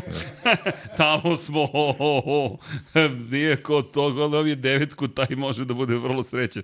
Ali profesor Potkonjak... Pa ne, stvarno. Ovaj, pa mislim da su zaslužili Ne znam šta, šta neko može da im zameri s ovim brojem trke i načinom kako su im prišli. Pazi, 39 trka. I povredama koje su, koje su imali i tako tako dalje, tako dalje. I nek smo možda slabi, ali ljudi, ja mislim da stvarno zaslužuju i drugo što zaista ti imaš ono što je feni fenomenalno u Moto Grand Prix tolika izjednačenost. Mi stalno pričamo o tome, e, Honda je loša, Yamaha je loša. Mi kad A vidiš, ti nisi fair, na primjer. Isto. Zašto, zašto? Znaš, kako, ovaj, kako, kako ovaj, pohvaljujemo vozače Moto Grand Prix kad u raznoraznim stanjima sedi na motocikl, a kudili smo Lensa Strola zašto je povređen vozio.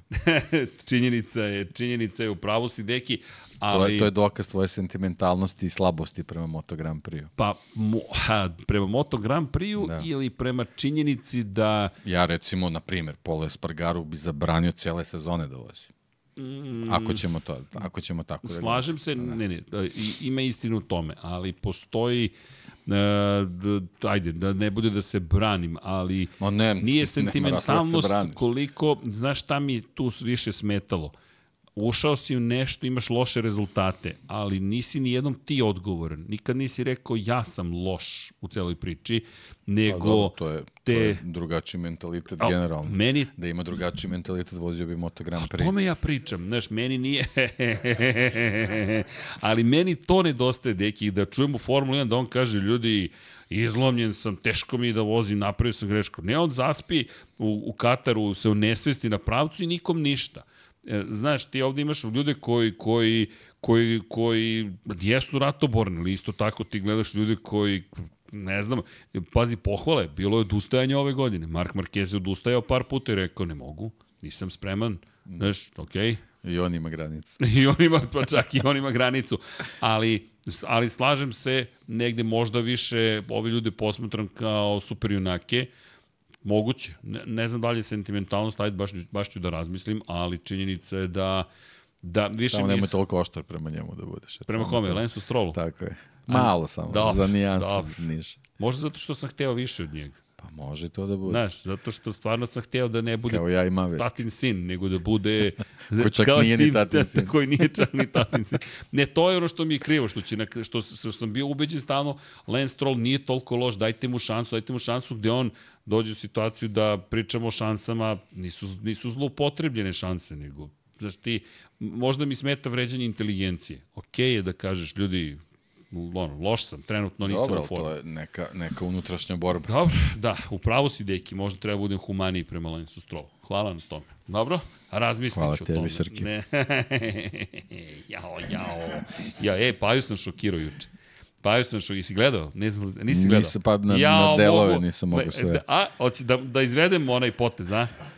Pazi, ovo je sada kvadrat, trougao, x i, i, i R2 istovremeno.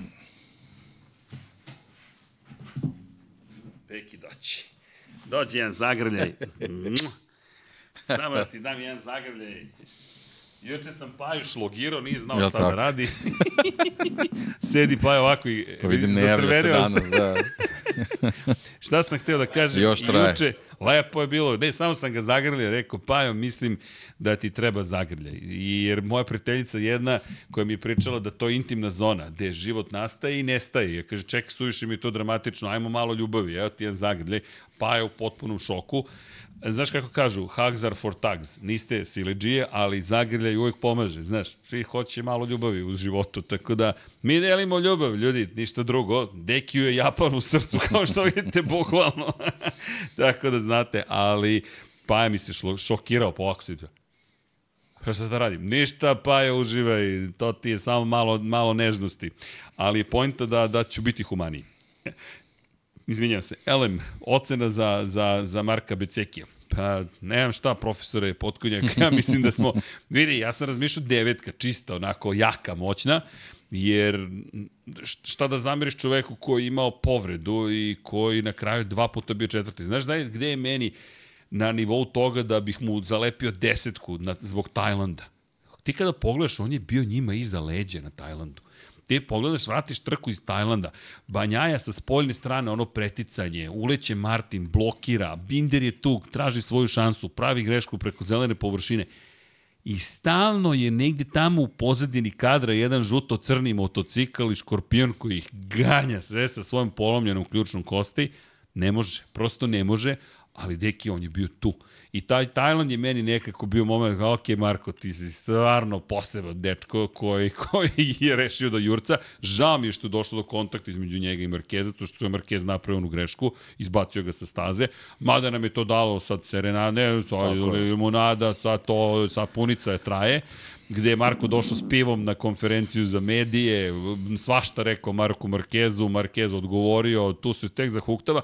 Pravo nasledđe Valentino Rossi protiv Marka Markeza, ali Marko Beceki, još jedan razlog zašto bi mu dao desetku, ne mogu, pošto nije takva sezona, ali evo 9.50 sigurnih jeste što smo dobili zvezdu. Ja volim ljude koji postanu, koji prihvate sebe i mislim da on prihvatio sebe kao pravu zvezdu Moto Grand Prix. Njegovo penjanje u Asenu na, na skele, traženje da mu ovacijama pruže podršku sa tribina, to ne može svako. Znaš, neki ljudi pokušaju to da odglume, stanu pred publiku, kao aj sad, ne, ali ti nemaš, nema tu energija. Znaš, Jorge Lorenzo je najbolji možda vozač kog sam gledao uživo, iskreno, kad pogledaš po stilu vožnje. A loš imitator. A loš imitator. Šta on sedne i kao sad on gleda nešto, jede kokici. Mi smo svi kao, pš, mislim, ne znam, Valentino Rossi sa AliExpressa, šta? Znaš, to ne ide tako. Ne možeš da budeš, i meni je žao bilo njega jer ga je Dorna gurala u tom smeru i savjetnici su mu govorili budi Valentino Rossi. Ne, budi Jorge Lorenzo. To je ta priča. Budi šta god da jesi i kad je presto sa tim proslavama i počeo da slavi sa zastavom, ovo je moja zaštava, moja zemlja, ok, to je pravi Jorge Lorenzo, Nemoj budeš kopija Bleda bilo čija. Budi sama zona Jorge Lorenzo. Budi ono što jesi. Mnogo dobar vozač.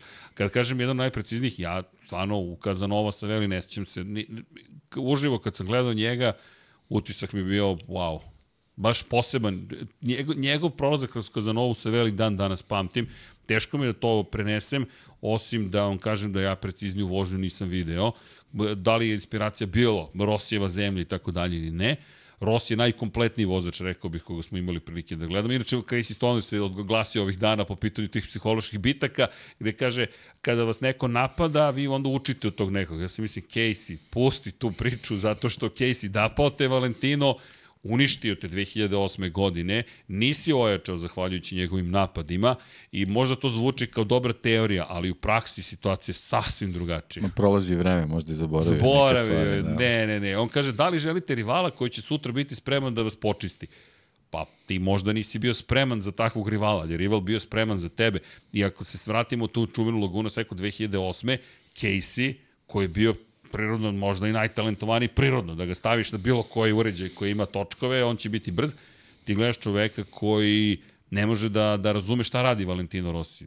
Kao Sileđija da se pojavi u školskom dvorištu i pa što me diraš otprilike, što, što me sad napadaš, to je bio Rosijev stav tog, tog popodneva, šta god je bilo potrebno da se pobedi, to je uradio. Ali šta hoću da kažem, posle toga Casey pao i u Brnu i posle toga Casey, ja mislim na kraju te sezone pao u Valenciji ili naredne u krugu za zagrevanje. Ne ta priča da ti čovek ne ulazi u glavu, to baš i ne važi. Dakle, Mark Marquez se dosta spominje, on ne da se, ne da se trudi da uđe u glavu, on se kvartararom je ušao u obračun iz 2009. u čuvenoj Maleziji. Ali da se vratimo na Marka Bicekija, zato mi se dopada Marko, jer je Marko i sad spreman da kaže Marku Markezu, ej, ti si najprljaviji vozač. To su njegove reči, nisu moje.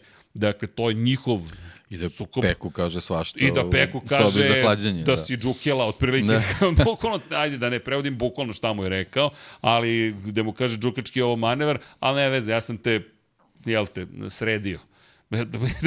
vidi, to je Marko Beceki, gde je klasičan Valentino Rossi škola, samo što je manje, rekao bih, elegantan u tome.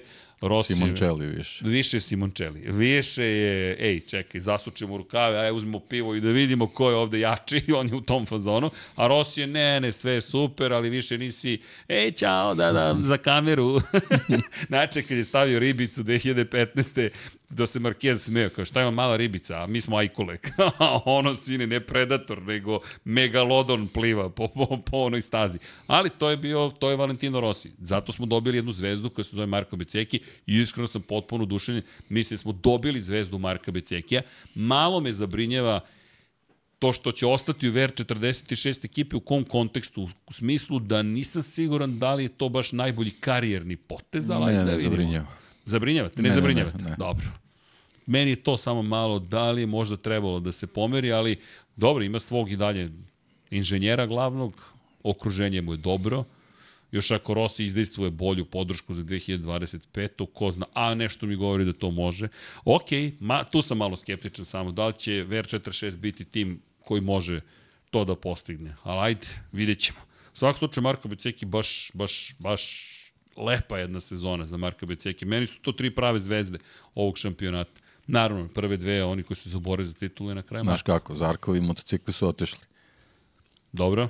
Može da dobije Pekove, može da dobije Martinove ili može da dobije Neine koji nisu ni korišćeni. Tako da, Kako god šta god dobije, bit će dobro. Ali svi su pobednički. I Enea je slavio, Tako i Banja je slavio, i Martin pa, dobri, je slavio, Zarko, Zarko je slavio. To, to, to, svi su pobednički. Dobro. O, to će biti zanimljivo. Šta su dali Marko Becekiju?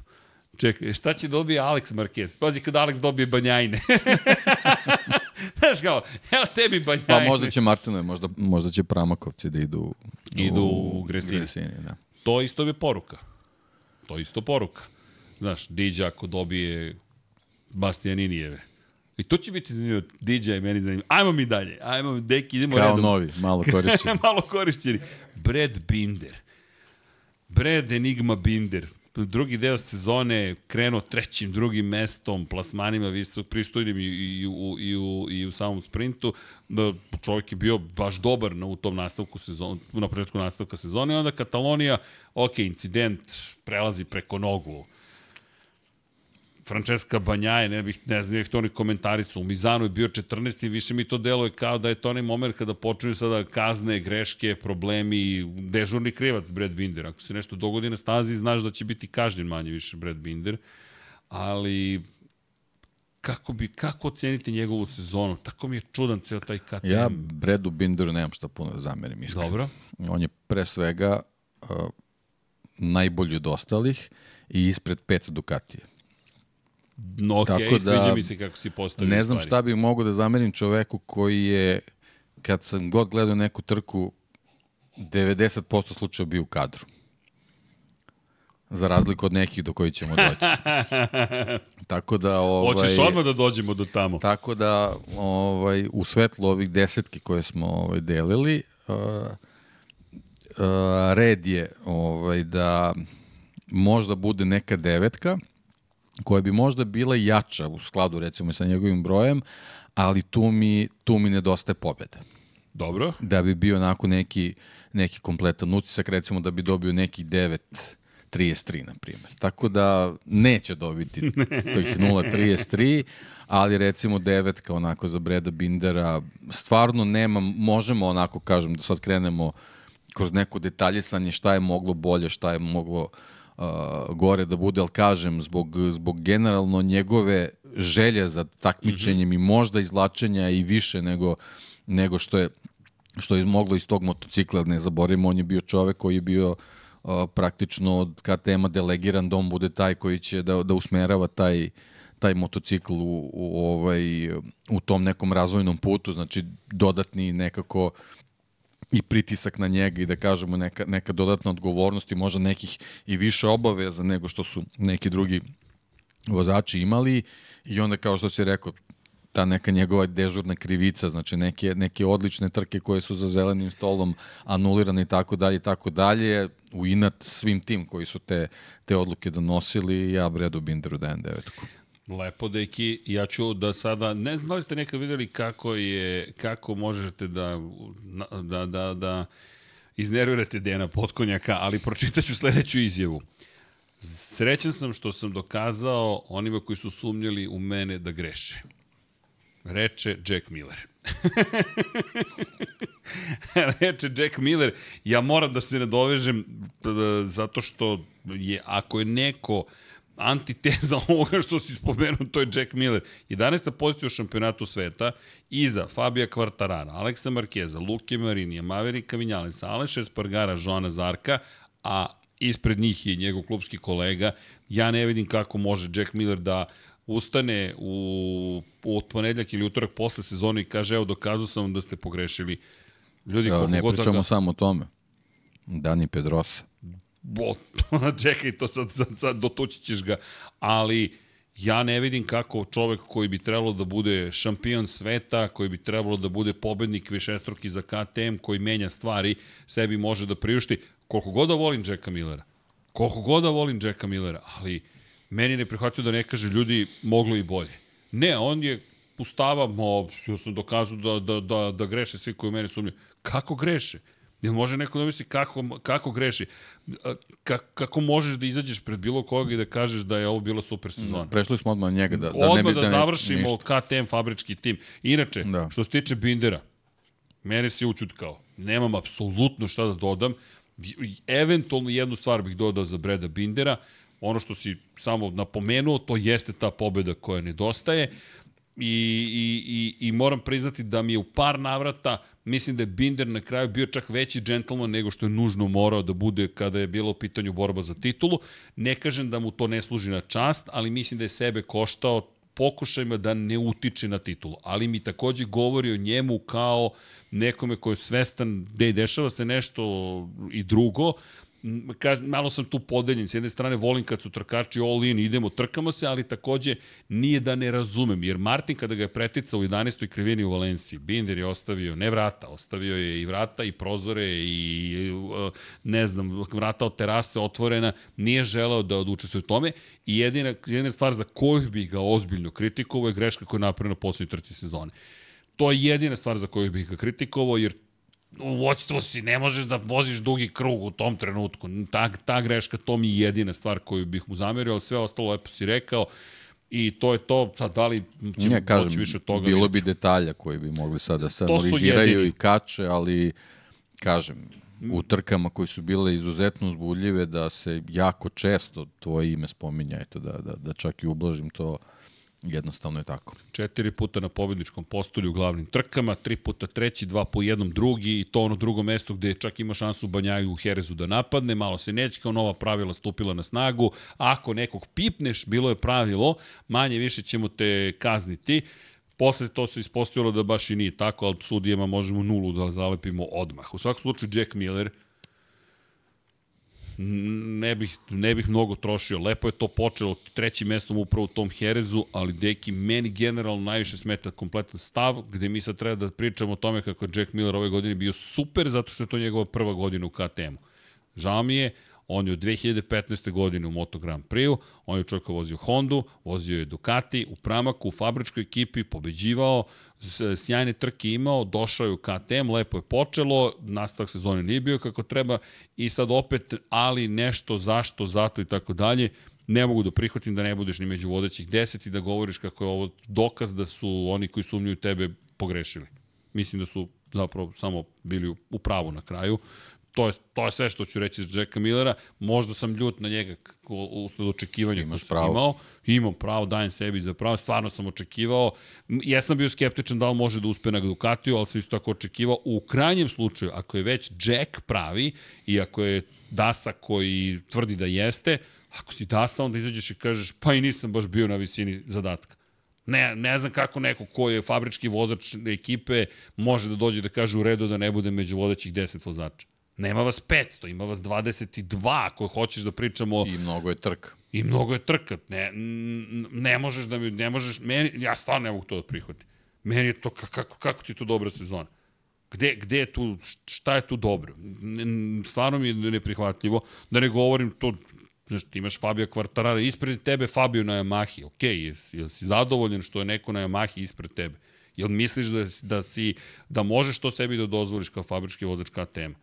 Ja to stvarno, ako ćemo da pričamo o Dukatima, ok, Dukati, bolji motor pa su ga pobedili, ok, tužna priča, važi, imamo dve Aprilije, opet bolji motor, šta ćemo sa Fabijom na Yamahi? Ne, nije samo to, znaš, bila je ta situacija da kao Binder dobije novi ram, pa kao kad stigne Onda će sve da se promeni, da, da, da. Apsolutno se ništa nije promenilo, mislim, linija je ostala ista, tako da ovaj, eto, to je to, mislim, što se mene tiče, pošto je sam sebi dao prelaznu ocenu, složit ćemo se s njima, ali od mene ono 5.50, Upravo, 5.51, ajde kao 5, da. 50 ovaj, a pre svega zbog toga što ga gledamo sledeće sezone i ja ću ga držati za ove reči koje je rekao. Buk, ajmo da vidimo baš sa... bih baš bih volao da nas demantuje, ali Evo, u ogromnoj meri, znači on sledeće sezone sam. barem da završi kao četvrti kao što je Brad Binder završio ove, ove godine. I da kada vodi u trci ne padne pošto ako sam zamerio Binderu što je otišao napred da odradi dugi krug, šta da kažem za Jacka Millera koji vodi.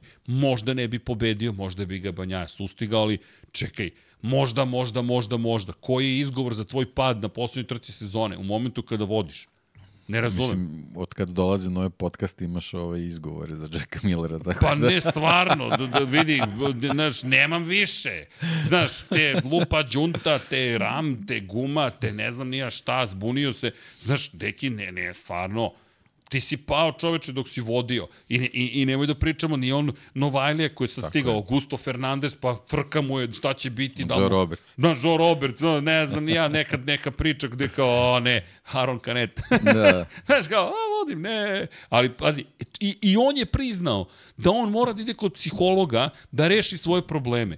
I za to je dobio čistu desetku. Čeče, svestan si da je problem u tebi. Nije rekao, znate, moj Kalex je popustio. Da, da, da, ne, nego Dunlop me nije služio. Ne, ne, samo hoću da kažem, šte, kako možeš da dođeš i da kažeš kao jedna super zvezda. Jack Miller je zvezda. Ti si zvezda. Sa zvezdanošću dolaze i odgovornosti. Znaš, svi bi prava, niko ne bi odgovornosti. Moje pravo da budem plaćen, moje pravo da budem poštovan, moje pravo da novinari ne smiju da me pitaju šta mi se ne dopada od pitanja, to sve moje Jack pravo Miller da traži. moje timu. pravo da ostanem u fabričkom timu, moje pravo da uh, ja kažem onima koji sumnjuju mene, evo, pogrešili ste, ček, izvini, zašto si odgovoran? Kamo rezultati, prijatelju? Stvarno, i stvarno me nervira taj stav. Da je došao i rekao, pa moralo je da bude bolje, ja bih rekao, respekt ok, poštujem, neki imaš pa, samo kritično. to bi mi ličilo na njega, ovo mi onako, Ovo... ne liči mi na Jacka Millera, onog pravog Jacka Millera. Ne, ne zbunjujem sam, ali ok, možda, možda, ajde, ne, ne znam, stvarno mi je zbunjujuće. Kako god, mislim da je svestan da mu se karijera zapravo završava polako. Jer vidi, e, o poslednje što ga trenutno drži je australijansko državljanstvo. Tako je, to smo, to smo ustanovili. Jedina stvar koja ga drži.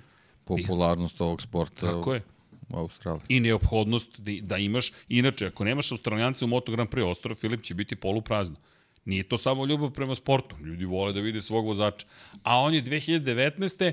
stajao na Ducatiju na pobedničkom postavlju na ostrovu Filip. Ima čak krivinu ima. Izvini, Jack, nulu treba To je dobiješ. ozbiljna odgovornost, da. Dobio si krivinu na ostrovu Filip. Ti moraš da budeš legenda. Znaš ko jedini zaslužuje krivinu tamo?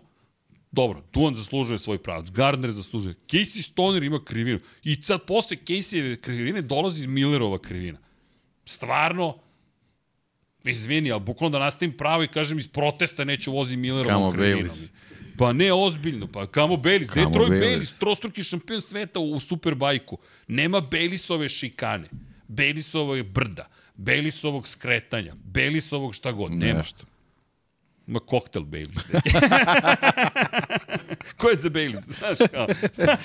pa ne, ozbiljno, stvarno neprihvatljivo mi je. Napravljanje u neku mega super giga zvezdu, onda je 11. u šampionatu i to je u redu. Dobro, jeste tako i krenulo. Sve, sve to u redu. Ali Iznervirah se. Jednostavno, ti kad pogledaš njegove uh, rezultate po sezonama, to je isto.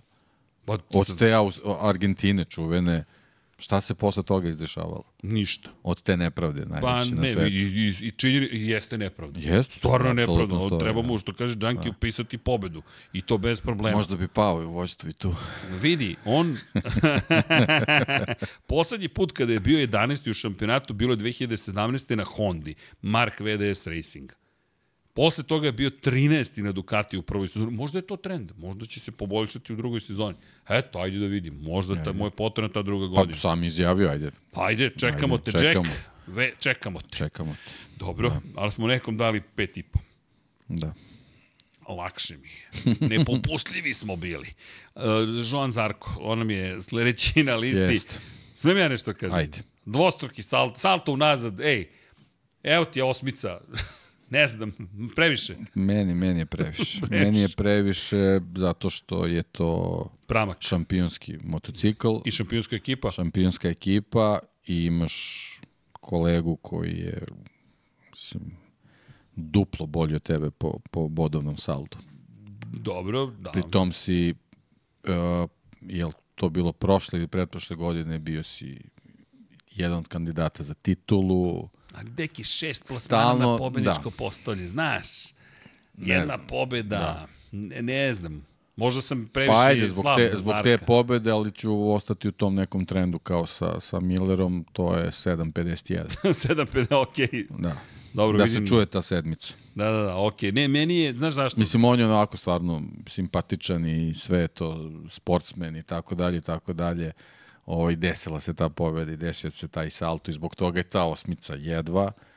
Ovaj, žao Mada mi što to da tako mu, sve mislim prošlo. Mislim da mu osmicu, ne bi mu sedmicu ti dao. Pa da, zato što kažem, mislim, moraš, moraš da, da, da, da te nekako povuče ovaj, inspiracija tvoj kolegi timskog. A ja mislim da je Zarka to da. prošlo. Pa Meni deluje da zato, je on... Zato onda ne može ni veća ocena. Da, ne, ja bi samo za tu pobedu mu dajem osmicu, zato što ne, devet ne može da zasluži nikako deset. Tako je. Ne može, i opet očekivanja, očekivanja su mi veća, se izvinjam, Zarko je bio mm. veća zvezda od Fabija Kvartara. Ne, ne, samo eto da vratimo, Binder je ispred Zarka. I to 70 bodova ispred. E, da, može i tako.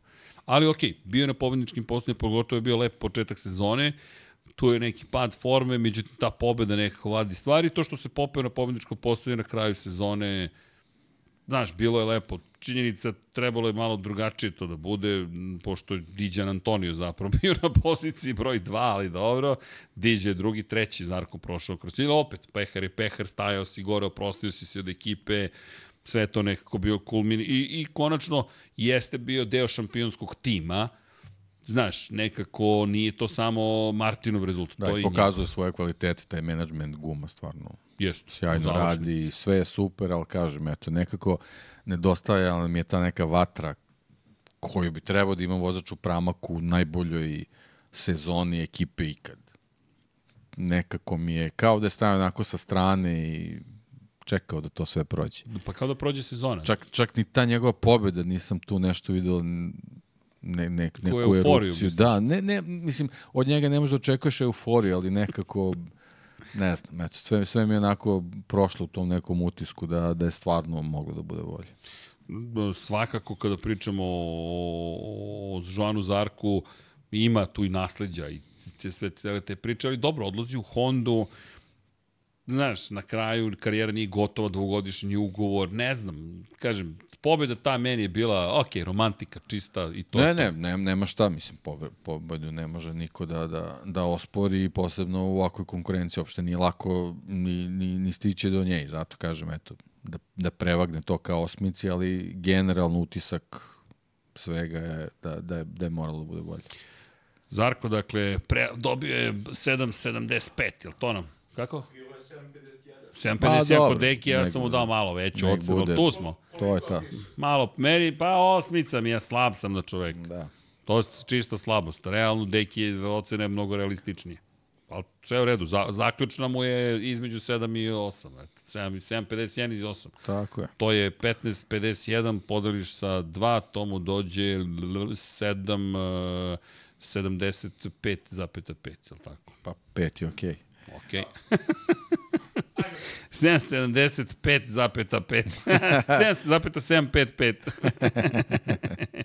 Aleš Espargaro i Maverick Vinales, dva U druga paket. stara, 206 i 204 poena, dve pobjede za Aleša Espargara, nula pobjeda za Maverika Vinjalesa, tri plasmana na pobjedničko postadje za Vinjalesa, tri druga mesta, pored dve pobjede Aleš Espargaro. Jedno treće mesto, drugi deo sezone je baš počeo za Aleša to. Pobjeda, deveti pobjeda, čak, čak posle Katalonije, u jednom trenutku se činilo, čekaj malo, da li će Aleš sada da krene u neku misiju osvetničku ili šta god, pojavio se na poziciji broj 5 u šampionatu, nije bio blizu Banjaje, ali je bio peti iza Bindera, samo 12 pojena iza Bindera, samo 35 pojena iza Becekija, Da, sada već malo se povećava. Tu razlika 56 pojena za ostatku odnosu na Martina i 106 pojena za ostatku odnosu na Banjaju. Ali nekako, čekaj sa dve pobede u tri trke, ovo ovde nešto se zbiva, Aprilija je na samo 8 pojena od KTM-a, da li smo dobili rešenje, da li smo najzad u situaciji kada iz trke u trku očekujemo da bude brza Aprilija, sve to nekako palo vrlo brzo u vodu, onda su počeli problemi sa pregrevanjem motora i tada i tada i Vinjales koji kad pričam o njemu kako samo da povede, ima da pobedi, baš i ne. I onda Vinjales za mene najteži moment, a to su testiranje u Valenciji, on je najbrži na testiranju u Valenciji, ili ti kada je kad nema veze. publika, tako je, odsutno, mada je bilo publike, ali kada je trening, pogodit ću svaku trojku, daću svaki koš, imaću 75% uspešnosti sa svake pozicije, ali To je trening. Baciš u 99 yardi. To je to, 99 yardi. Čekaj tigrovi, imaš Čekaj, nešto tigre. da mi kažeš tigre, a? Reci, čekaj, opet ste pobedili, ne verujem. Dakle, osmeh se vratio Dekiju na lice. I šta ti uradio Liverpool ovog vikenda? Je li bilo sve u redu? Prvi smo na tabeli. Ok, ne, ne, čisto da povedi ga, vidi ga, vidi ponosni Liverpoolovci. Nego, prošle nedelje znam da je bilo 50-50, znači ove nedelje je u redu, dobro? Ovaj vikend je bio, Čekaj, to City igrao nerešeno? Ma nisu ni bitni. Ne, ne, Mi ne. ne, mi ne gledamo Ne druge. gledamo mi druge. Da. Ok, ne, zato što Ne, to ne... iščupali su se. Ne, to- Gubili su. Nemam Pobedili pojma, su. to je jedino što sam vidio od rezultata, tako da sam bio u fazonu, nemam pojma, jedino što me zanima U Beogradu su ti možeš sutra da ih gledaš, evo sad spavaju. Stvarno? Da, Nema da, pojma. može da navratiš. Kako nisu? A na dan utakmice, zašto dan vidio. Kad sam video, ovaj, kad sam dolazio, reflektori Dolaze su bili dan upaljeni, pa sam mislio da treniraju. Znači, dolaze na dan utakmice. Pa, Ja dobro. nemam pojma ni s kim A, igraju, ni dobro, zašto. Verovatno neka Liga šampiona, Zvezda, verovatno okej, dobro, bar sam koliko toliko, aj stvarno ja to, Deki zna da ne foliram, nemam pojma. Ali sve je u redu. U svakom slučaju sreća se zbog vas. nebitna je utakmica zato što se kvalifikovali dalje zvezdi je nebitna zato što je ispala. Tako da dolazak na dan utakmice potpuno okej. Da, da, da, okej, da. Da. u svakom slučaju. Dakle, Ali zvezda je prva na tabeli, tako da okej. ne, ne, vidi, to, po, po, drago mi, nemam pojma, ja, ljudi ne učestvujem u tome, pa i nije drago, verovatno, ali dobro, to je neka druga priča. Elem, da Ti si Paju poremetio juče, tako da ništa Ne, ne, njemu nije drago mi, da... veruj mi, tiltovao je čovjek. Nisam očekivao da će, da mislim, dolje realno, posle 15 godina ne očekuješ od mene da uradim tako nešto. Nije verovao, bukvalno, dobro, sve okej. E, nego da se mi vratimo na Aleša i, i na Maverika, meni je ovo možda je najteže, moram da ti priznam, jer toliko bih želeo da Aprilija uspe, da nešto uradi, da mi teško pada mm, ni jedan ni drugi mi deluju, ne, mi ne deluju da su dorasli tom izazovu. Ali dobro, to, je smo ustanovili. To Znači je, ne možeš, ne možeš sad ni da očekuješ nešto preterano i ono, ajde da kažemo, Dobro, očekivanja nam nisu, izvini, da, Da. osvoje titulu. Očekivanja su budu među top 5. Pa da, ali nekako generalno ove godine april je ni na nivou prošlogodišnje. Nekako taj sindrom KTM-a kao da, da, se, da se ponavlja. Sveća se KTM prva, prva godina kad je taj neki uspon bio, onda je sledeći bio veliki pad, valjda dok se oni to prilagode da, da ne mogu baš da rade sve šta hoće i onda se dešava taj, taj veliki problem sa pregrevanjem koji stvarno ne možeš ne možeš možda sad da prebaciš Pa na vozače sve, mislim, oni kako- su, kako da oni su, da, ne mogu da možda su u nekom trenutku. trenutku trebali ranije to da, da, ovaj, da možda ozbiljnije porad na tome da se oni uključu to, ali, ali na stranu, znači jednostavno to nije njihova greška, tako da to je onako jedna, mogu da kažem, velika olakšavajuća okolnost za, za vozače Aprilije, posebno u završnici sezone, posebno kad uzmemo u obzir da, da i prošle godine ekipa bila ta koja u završnici sezone Alešu nije, nije omogućila do kraja ostane u borbi, Da, da, da. u borbi za titulu, tako da zbog svega toga ovaj, Alešu bi možda nategao neku, neku osmicu isto zbog te dve, Pa, dve pobede, pobede, koje su onako bile mala stvar. i bile su onako I baš drugo- brutalno dobre. Znaš kako, ja ću sada da budem opet ličan, a da li da, Aleš da, je meni, znaš, vidi, ti pobediš u Barceloni i u sprintu i u glavnoj Filmski. trci i osvojiš pol poziciju, baš je filmski. Baš je Znaš, uradio šta je trebalo. je, Da, znaš, da, da. to nekako, to će, to će njemu ostati za ceo život. Deca mu stoje na pobedničkom postolju. Što je tražio na početku sezone, to mu bila želja za sezonu. Kad su ga pitali šta bi želeo, želeo bi da sa decom bude na pobedničkom postolju. Eto, Tako da, eto, to je ta, što ti kažeš, romantika. romantika i ta čista. neka priča, ist, a i dve pobede u sezoni ovakvoj, Vidi, velika to je okej. stvar. Tako da, ajde, opet da, da navučemo Da na navučemo. Da, 7.55. Pa, dobro, ja ću na osmicu da mu Da, dam. 7.60. 7, Okej. Eto, Vidi, nek ja, bude to, ovaj, i u svetlu toga Maverick ne može više od sedmice da dobije. šest i po. Nikako. Pa, Sedam, kako pa, god hoćeš. Ajde, opet da, da sedmica. navuče, da navuče sedmicu, opet zbog toga što eto, da kažeš... Što je Maverick. Što je Maverick i što su... Ma, bukvalno, Maverick, I evo, što su, Vladin oni, drugar. što su i oni bili bolji od nekih Ducati i od nekih drugih koje ne, nećemo više da spominjemo i, i tako, eto, ali... Pa da. ali generalno njegov utisak je onako baš bled, mislim, to je, to je ponovo neko moje mišljenje, možda, možda ono, sam i prestrog eto, ponekad ovaj, prema njemu, ali generalno stvarno od Aleša Espargara, čoveka koji je pred završetkom karijere praktično moraš da budeš bolji. A on ponovo ima upisane dve pobjede. E, a ti si taj ko je doveden da bude onaj vrh kopljak, što Tako da, kažu. 7,60 koji- i 6,70. Opa, Eto, može. Dobro, dobro, to, je, to je taman, E, to je okej. taman. To je taman, ali kažem ti, ja bih, ne znaš kako ti neki trenuci meni, taj moment Aleše Spargaro na pobedničkom postolju, baš mi je, baš ti ispuni srce, to mi je suština sporta, to mi je suština svega toga što se događa na, na, na bilo kojem borilištu, da, da, da tebe inspiriše kod kući da kažeš čekaj, da, Aleš je pobedio sa svojih 30 i kusur godina u sezoni u kojoj Aprilija ne deluje kao tim koji može do triumfa. Prvo se osveti za Silverstone gde je pao prošle godine, gde je imao zapravo moment koji ga je izbacio iz trke za titulu šampiona Ali sveta. dobro, eto, to je opet ta, ta neka možda, možda minus, dobar si samo na nekim Da, stazama. I ne samo to, samo kad si ljut. Da. To, e, to, tu imam problem sa ocenom da. za Fabio Di Gianantonija. Da. I tu je ta, eto, Samo sad da kažem, da ne bude, da kažemo, lepa, čista osmica, ti neki njegovi ispadi tokom sezone, Činjenica da je To je- to je Aleš, to se nikad neće Ako pričamo o promeniti. romantici Da, ovde, da, da, pričamo da. i o nečemu... tako da 7.60 je okej. To je osmica, ali, ali eto, ima neki plusevi i minusevi, to je okej. Podržavam. Super, hvala. Podržavam. Deki, mislim da je ovo dobra ocena. I za jednog i za drugog. Šta će biti sledeće godine sa Aprilijom, vidjet ćemo, vidjet ćemo. E, idemo dalje, idemo po, po, po, po onome što, što je bila situacija. E, možemo da spojimo Luku Marini i Aleksa Markeza.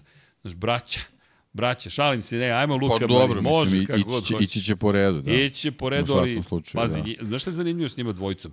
Oni nisu započinjali iste trke. U Indiji, u Japanu, pri čemu u Indoneziji nije startovao Alex. Marini imao, nažalost, pad, iako Marini tamo bio čovjek na pol poziciji, bio drugi u sprintu, ali Gde, šta ćemo sa Lukom Marinijem? Ajmo, to, pazi, Pa, on je prešao čovjek u... Kao neki, neki ovaj vozači Hondu. koje smo, koje smo, to je 24. o tome ne Da, da. pričamo sad.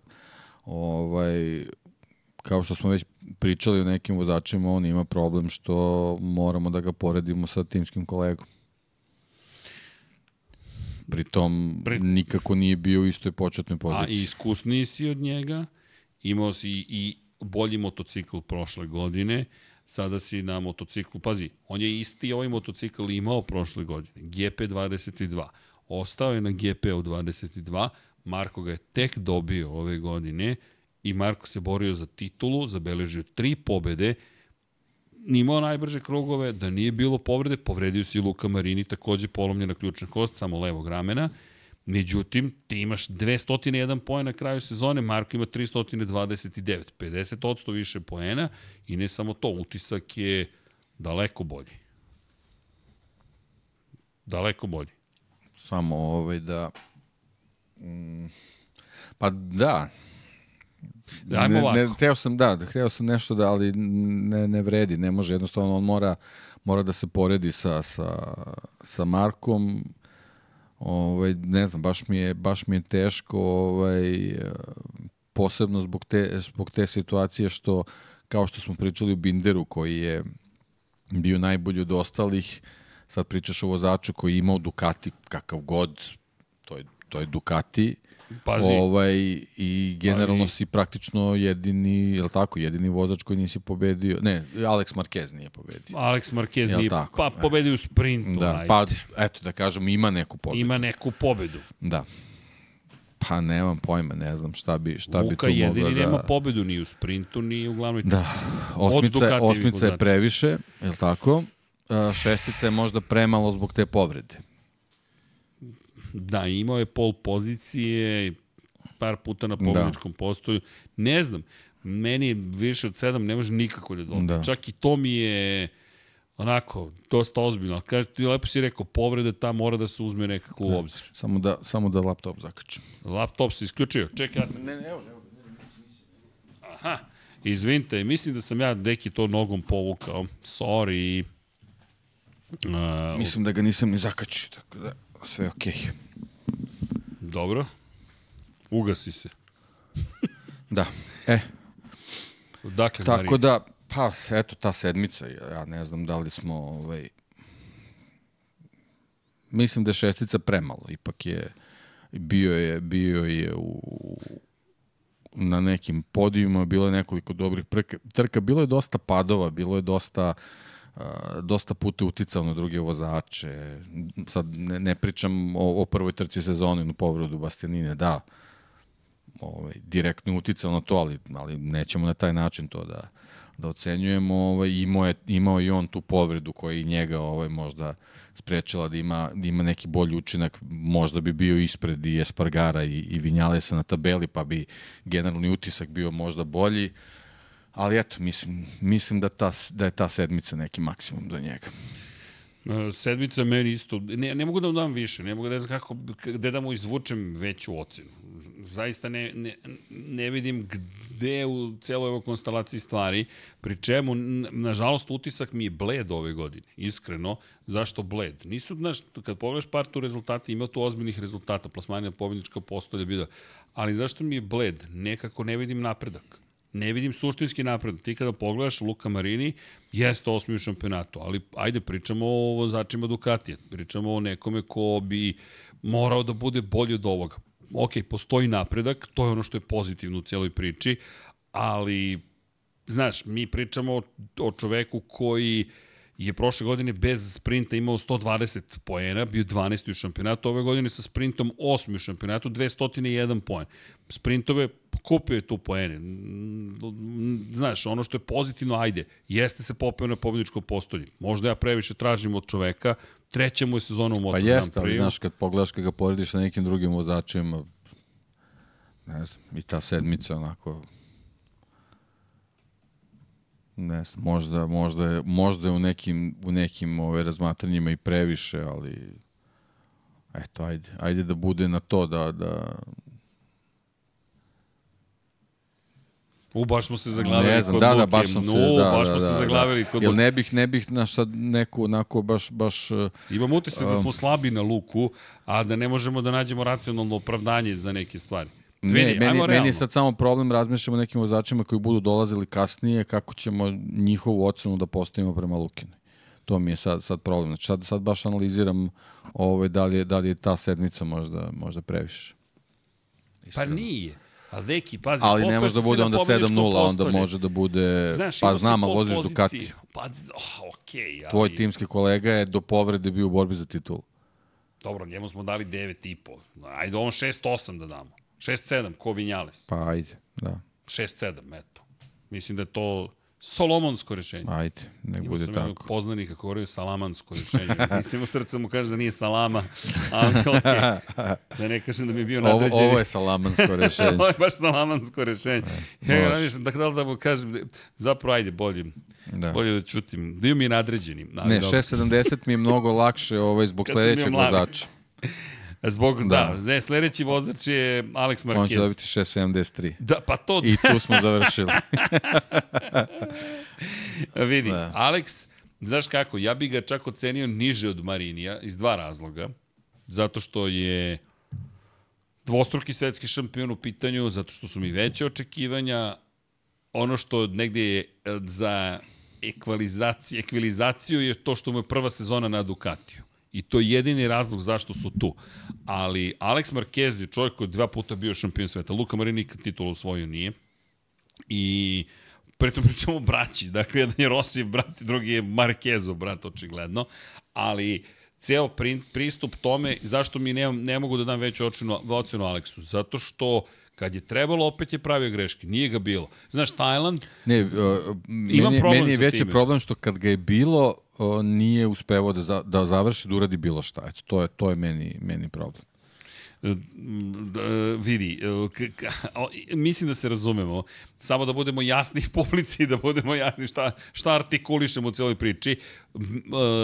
Pogled, ista stvar, samo iz druge perspektive. Da kad si brz te ti padneš, kada ne padneš nisi brz. Da. Nije dovoljno. Da, on, Nije onih 0-0-3 je samo zbog tog sprinta. Eto.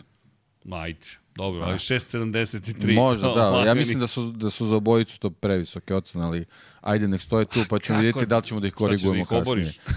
zbog, zbog momka sledeće koji dolazi. Fabio Quartararo. Deseta pozicija, da. 172 poena, tri plasmana na pobjedničko postolje i pazi sad ovo. 1, 2, 3, 4, 5 plasmana među vodećih 9 u sprintu. U 19 sprint trka.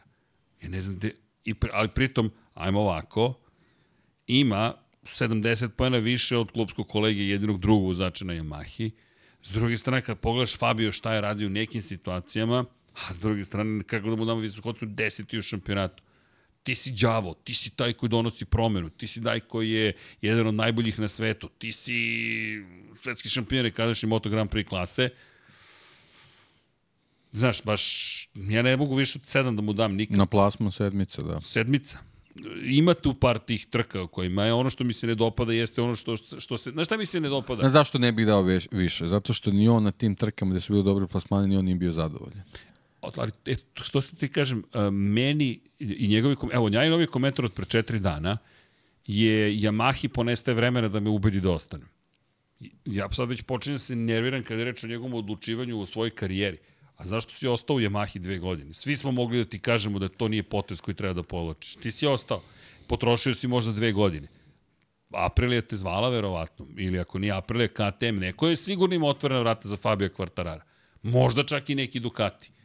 Znaš, i sad ćemo doći do Marka Markeza i taj njegov potez u Gresini. Posle Marka Markeza, koji je otišao u privatni tim iz HRC-a, ljudi, svet se promenio. Pandora se Pandora. Pandora otvorila svoju kutiju. Sada niko ne može da kaže, e, nećeš valjda u Gresini. Što? Otišao Mark. Problem, ako je jedan od najvećih svih vremena otišao, što ja kao Fabio Quartararo ne mogu potpišem sutra ne znam, za, ne, za, za, za neku novu ekipu. Teh 3, eto, francuski da, tim. Da, on kao mlađi je trebao lakše da, da donese to odluku. Ima manje titula i ti da. si manja zvezda. I u najboljim si godinama. Tako je. I ti treba da kažeš ja hoću na... Ne, ja hoću fabrički tim. A Markezin kaže ja neću fabrički tim, ja hoću pobednički motocikl. Da, čekaj, ba! Znaš, a, ne, treba da koristite srednje tvrdu zadnju gumu. Ja ću meku. Šta radi ovaj Mark Marquez?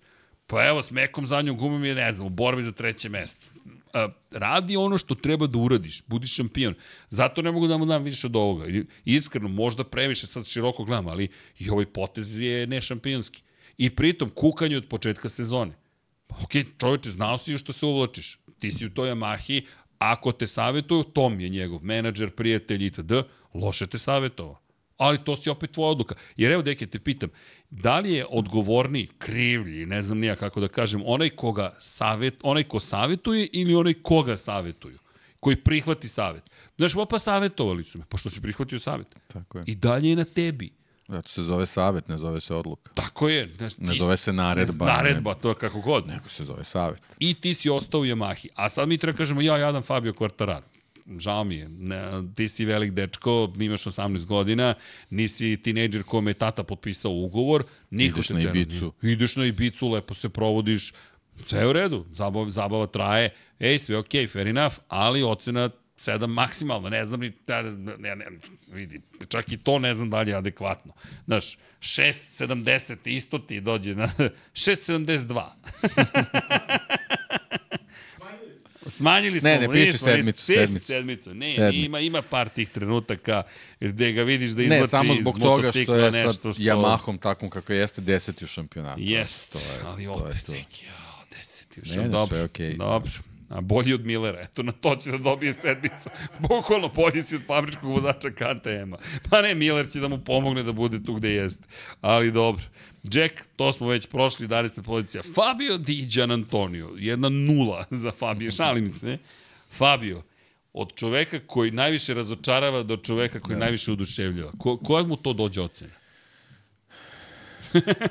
Hajmo, ko je? Pazi, on je zvezda završnice. Pa vidi, da, zvezda je završnice, uh, nije pozitivna stvar taj, taj prvi deo i te silne nule koje ima u, svoj, ovaj, u svom skoru, posebno zato što si na Ducatiju i generalno si najveći deo vremena bio najlošiji Ducati na, na gridu, činjenica. Ovaj, e, sa druge strane, njegov timski kolega, bez obzira što Alex nije imao ovaj, rezultata toliko, on je, on je bio je stalno u vrhu i bio je u nekoj borbi, a onda se desi ta završnica sezone, ne znam da li je to ona, ona čuvena priča, ovaj, kad dobiješ otkaz pa se rasteretiš, pa, pa ovaj, nešto radiš, u svakom slučaju on je zahvaljujući toj završnici sezone praktično sebi sačuvao mesto u, u Moto Grand Prix-u za sledeću godinu i sad tu je bio onaj roller coaster od od, od priče da je, da je njegova Repsol Honda pa do, do potpuno neočekivanog mesta u VR46 iskreno. Znači, nekako on, on se meni uopšte ne uklapa u, u prirodu U filozofiju VR46, ali VR46. dobro. E sad, zbog te pobede koje je zabeležio i koja je tako, tako senzacijalno došla i, koja je tako lepo izgle- izgledala i onda taj, taj, taj podijum i, i to sve, uh, on bi mogao da, da bude u konkurenciji za osmicu. Ali zbog tog nekako te, te neke indiferentne priče koje je bukvalno trajala od, od, od one pol po- pozicije u Muđelu prošle godine do, do, do, do, ovaj, do Australije praktično i onog manevra za, za, za podijum, ovaj, 7.49. O, ja. Znači, to je sedmica, ali ono, kako bih rekao, sa naznakom da je trebala da bude osmica. E, ok, ok, dobro, 7.49. Zna, dakle, sedmica je, a blizu si bio. Da. Da to treba se, on da deki. se potrudi za, za više. E, vidi, Da. dobro, bar se Vuk probio na Znaš kraju kako, do nečega. ovo je ozbiljan zadatak sledeće godine, timski kolega naoštren, ovaj, izvukao si se, ostao si u Moto Grand Prix-u i nema još jedna godina sa nulama. To jednostavno, to više ne, neće proći. Da vidi, ajmo ovako, ovo je čisto ne euforiju, apsolutno podržavam ocenu. Ovo je je, čista euforija. čista euforija. Ljudi, ovo vam je ono najgore, zato što je po, najsvežiji utisak pozitivan, utisak ocena je bolja. Da je obrnuto bilo, da je on ovako počeo sezonu, a završio je traljavo kao što ju je počeo zapravo, Da. ja mislim da bismo mu obojica dali ocenu neku mnogo nižu i rekli, ma kakav Fabio, ne možeš da prođeš bolje od ovog. Ne, Ovo već je dobio lošu ocenu na tromesečju. Pa tromesečje je već bilo loše, tako da, ajde. Ajde da kažemo. Ali iskreno, i ta euforija, pa u redu je, ljudska da. je, subjektivni smo, krajnje uvek, ali Znaš, najgore što si sa Australijom, sa pobedom, sa podijumom u Valenciji, ti si pokazao da, da, si- da bre ozbiljan vozač. da vidi, To je, vidi, znaš, ti si imao dve sezone za jednu pol poziciju, dva podijuma i jednu pobedu. ajmo ovako, na tromesečju, ako je neko bio razočaranje. I govorili smo o tome, ok, ne znamo ni šta ovaj dečko traži u Moto Grand Prix, to je bio, da. to je Ja bio ću samo Fabio reći da, da su meni na početku ovaj, fantazija, Alex Marquez i Fabio Di Giannantonio bili, bili u ekipi. E, vidi. Uh, čak se sećam, znači Peko Banjaja, Miguel Oliveira, Alex Marquez i Fabio Di Giannantonio. E, čekaj, čekaj, čekaj, čekaj. Alex Marquez moramo da zapišem. Fabio Di Giannantonio To i... su s- srebrni bili, a bili su Peko i Miguel Oliveira. Dobro, Peko i Miguel Oliveira. Peko je jedini dobro došao do kraja sezone Jedini, kako jedini, treba. da, da, da. Oliviru si Da, a, kao, kao tim sam imao i VR46, a kao Marko Ducati. Dobro. da, da vidi. Rasporedio sam, Ja sam ih previše ja menjao. sam rasporedio VR46 i, i ovaj, Gresini kroz vozače i kroz, kroz tim. Inače, pripremite se za dodelu trofeja za fantasy, tako da znate, to ćemo na kraju sezone. To poslednje nedelje decembra. Pravimo prigodnu, prigodno druženje u, na če, čeo. Ja nemam bolji predlog, deki, za prostor. Dakle, čekaj, dajmo da postane, evo anketa. Uh, da, anke, nema ankete, nema demokratije kod vlade. Vlada je to već. Ali evo da pitamo ljude za mišljenje. Čekaj, da vidimo šta kažu ljudi, kakav vam je utisak o, o Dekijevom predlogu da se zove rana č, č, č, č, č. A, kako vam zvuči? Čekaj, jedno pitanje. O, iz nekog razloga ne da... A, vidi, promenili su. A, okej. Okay. E, koji je... e, puf. A, šta radi? Čekaj da vidimo ovde. Start to answer viewers questions live. Šta mu sad to dođe? Aha, dobro, to nisam ni znao da to postoji kao opcija. Okej. A, da li vam je e, cool naziv za novi prostor Rano č, č, č by Infinity Lighthouse. Evo, jel može? Da, ne. Da, ne i dajte svoj predlog. Nemojte samo da odgovorite sa da, ne. A, ja ne kažem da sam demokratičan, ali bar da čujemo mišljenje ljudi. Ja, ja, ja, ja, ja, ja, meni je zabavno. Ali, što se ti... Imamo novog člana, imamo novog člana, imamo novog člana, new members, čekaj, Josip Andrić, dobrodošao Josipe, svetioničar početnik, hvala za podršku, hvala Josipe, ljudi, udrite subscribe, like, šerujte, podelite sa svojim voljenima, ako želite da lepše spavaju, neka slušaju, neka slušaju Lab 76. 7-9 glasova, lomi se rezultat. Ajmo ljudi, glasite, zabavljamo se. Jedan je život, igramo se malo, kakve veze ima. Zašto ranč? Jasno vam je odakle potiče. Od Kenija Robertsa koji imao svoj ranč, pa je onda Valentino Rossi imao ranč, pa je onda Teča iz Čortanovaca imao svoj ranč, Dekijev, i zato je rana ČČČ. Tečin ranč u Čortanovcu. Tako je, Tečin ranč u Čortanovcima. To si ti izmislio, znaš kako ljudi pitalo, je se zove rana č, č, č, č, č. Ja sam rekao, nemam pojma ljudi, ali ako vam zvuči dobro, zabavit ćemo se. U svakom slučaju, pa, pa, si šta sad, kao da imamo neku super ideju, da- za sad dobro zvuči. Nego, znaš zašto? Izložba je 20. Tog pa me pitaju gde je oznaka na, na Google mapama. Pa moram nešto stavim na Google mape, a ako, ne, ako stavim ranč, to je to, otišlo u istoriju. Otišlo istoriju. Otišlo. Otišlo. Dobro. Gasim, gasim. Pa dobro, zabavno je da, da, da, da čujemo publiku. 21 samo glas. Ajmo, ljudi, glasajte. Uh, u svakom slučaju, kada je reč o, o Fabio Di Giannantonio, šta htedoh reći? Pa znaš šta? Način na koji vozi ove trke i ozbiljnost, što ti kažeš, u trkanju i način na koji je ušao u duele, Samo zbog završnice, da. zaista ne može da se prenebregne, ne može da se kaže, e, to se nije desilo. Ne, Ne to može se dobio šesticu zbog toga, desilo. da. Ne može nikako šesticu, mora više. Osmicu ne mogu da mu dam, jer onda dolazimo u zonu to je- nekih to vozača koji su... Ne, ne. 7.49, 7.49 je možda previše, ali se slaže s brojem, pa zbog toga. tako je, tako je. Ali to je sedmica, A, sedmica, da. A, kaže Bo, e, čekaj da imamo, ja nisam lajko, sramota sad ću. Nije sramota ljudi, nego lajkujte. Nema sramote, svi ste vi drugane. Mišljenje za ponašanje za Espargara za Morbidelli u Kataru. Pa dobio je manju ocenu Espargaru za svoje ponašanje an general.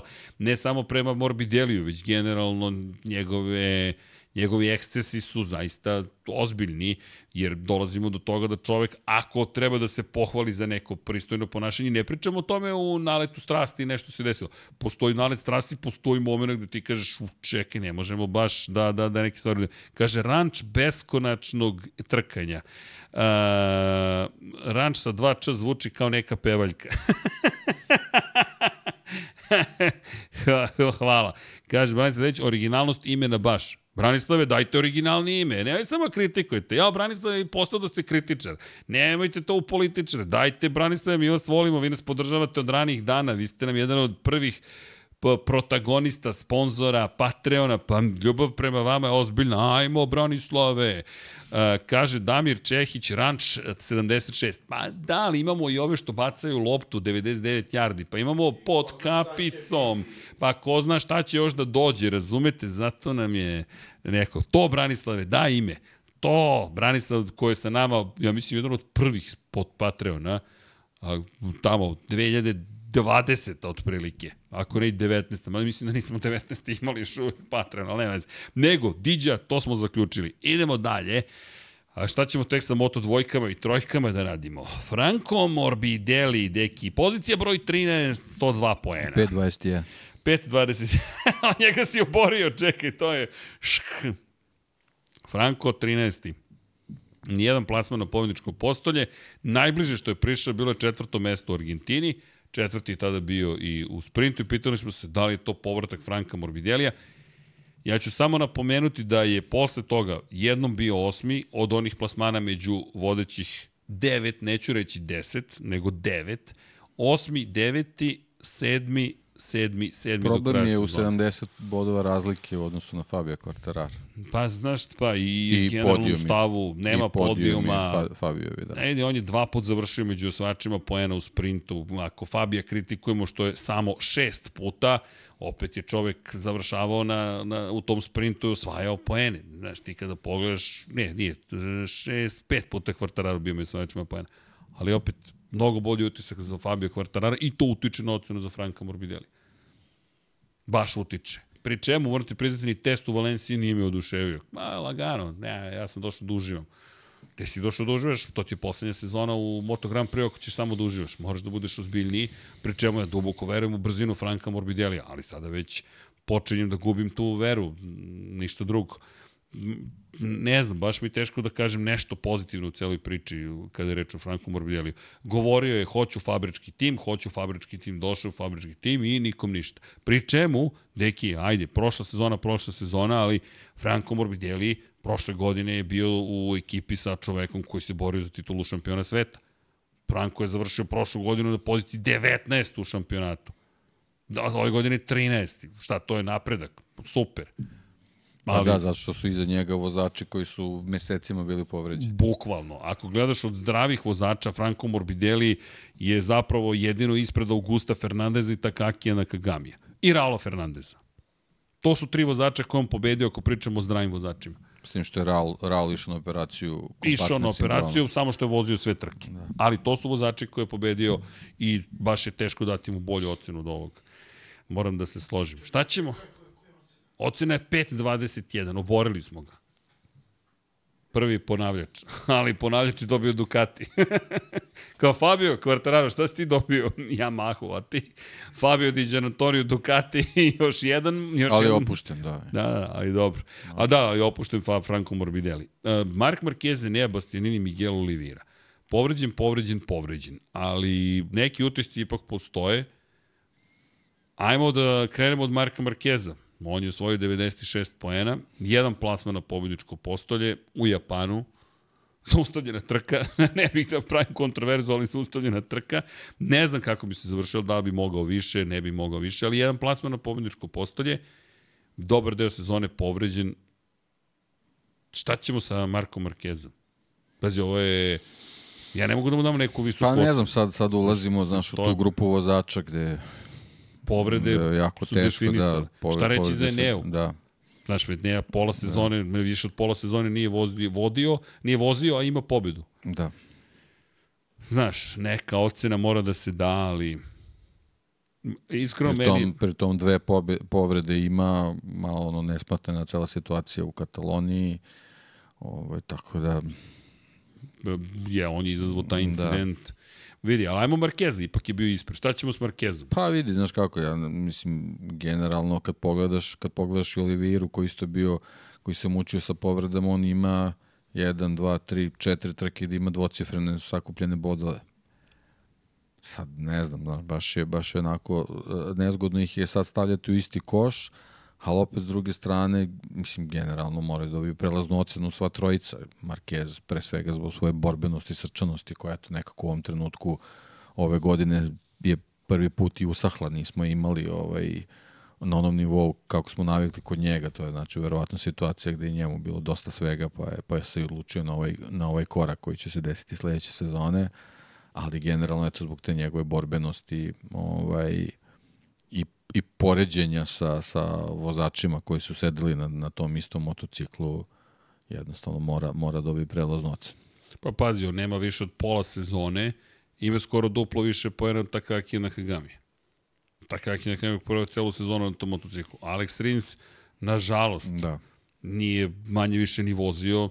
Rinsu bih zalepio desetku za onu pobedu u Teksasu otprilike, ali ne možemo, pošto ne nije vozio sezonu čovek. Okay ali, ali Marquez, ne znam, 5.93.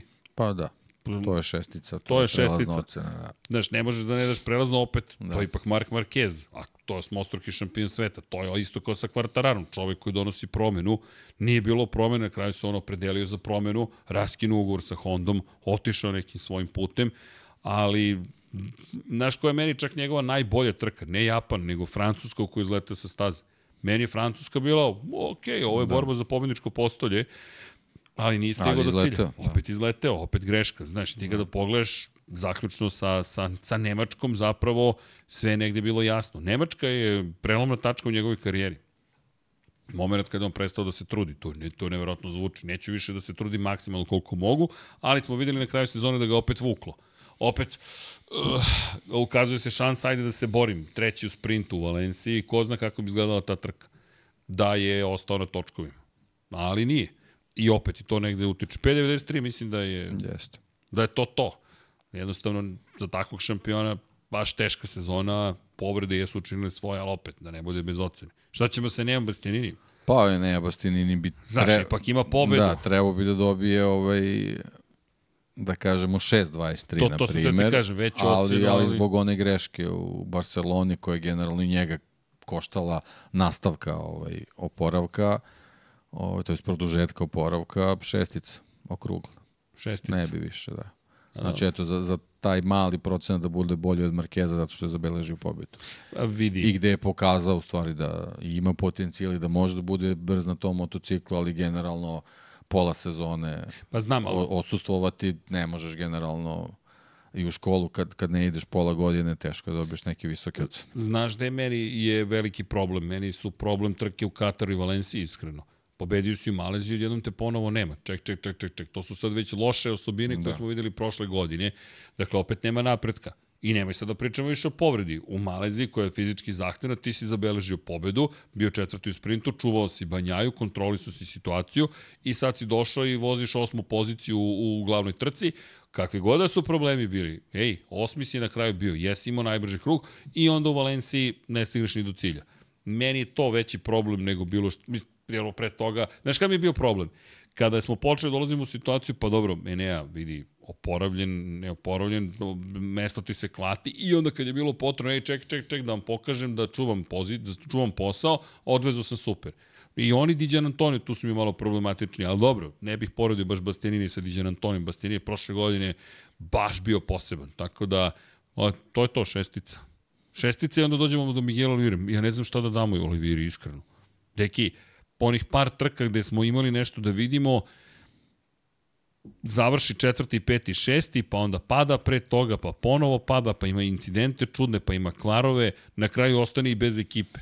Da. Na kraju nije bio na da, testu u Valenciji. Mislim, eto, bukvalno od prve trke sezone dosta, dosta ovaj, pehova za, za Miguel Oliviru i sad jedan teško je, uh, kako bih rekao, teško je sad uh, biti uh, objektivno u toj situaciji, onako, znaš, stvarno mu zameriti neke stvari, jer, jer mi ne znamo ni te trke koje, koje je vozio, gde je osvaja bodove, koliko je bio ovaj, fizički spreman i koliko je uopšte bio u treningu, jer on je praktično iseo na, na nov motocikl. Mislim, njegova prednost je bila u tome samo što imao podatke za taj motocikl, pa možda bile, bile neke ovaj, pripreme za, za trku lakše, ali, ali generalno ovaj, bio jako jako nezgodnoj situaciji i onda ovaj, ajde čisto da ne bude neocenjen, ono, prelazna ocena da bude ta šestica i nek to bude 5.88. Da, i povređeni vozači, to je baš teško ocenjivati. Pa teško je. Baš je mislim, teško ocenjivati. Teško je, posebno kažem što mi, mi ne znamo kompletno stanje i te trke koje su vozili, da li su stvari bili, bili u, u stanju da, i, da ih voze. Tako da 5.88 i to Mislim je da to. ćemo svima podeliti ove prelazne na kraju. Pa,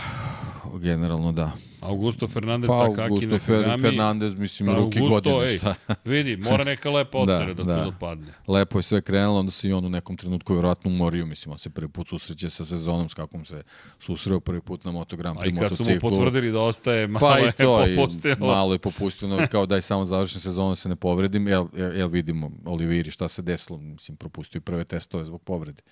Tako da treba, treba i tu razumeti, mislim, oni se generalno bore sad za svoje pozicije, posebno za, za te vozače koji nisu, koji nisu onako u, u, u fokusu, tako da sve to, ovaj, kažem, treba, treba gledati sa razumevanjem, posebno zato što je sezona bila neverovatno duga i teška. Mislim, trebalo je pre svega izgurati, ostati na dva točka i ne povrediti se. Mislim, to je, to je ono što je, što je za mnoge bilo jako važno, tako da ne može njemu tu sad mnogo, mnogo šta da se zameri, ali eto, pošto je bio ruki godine jedini na gridu, 6.37 nek bude. I d- 6.37, to je okej, to je taj lep moment. Ali daj da mu Da. dodamo malo sedmice ipak, a? Pa, Da mu nategnemo, da mu damo sedmica? da, 6.50, a? Ne? Pa ne, ne. A vidi, ipak je osvajao poene. Tek je stigao. Pa dobro, da, ali znaš kako dosta poena je bilo zato što drugi nisu završavali trke, treba biti realan i Okej, i u tome. okej, okej, okej. da- Strog, ali Da. pravičan. Da, da, da, da, treba mu Gevalt, onaj, Da. kako se zove, kako se zove, nije Čekić, nego u sud na sudu. Pam, pam, pam. A sad sam zaboravio. Evo imam ja kriglu. Imaš kriglu. Čekaj, sad me, sad me, sad me nervira što ne mogu se setiti. Kako se to zove? Jeste to Čeki Čekić, ali ima neki naziv za onaj sudijski čekić, nemam pojma, možda i ne postoji, možda sam samo pomislio da ima.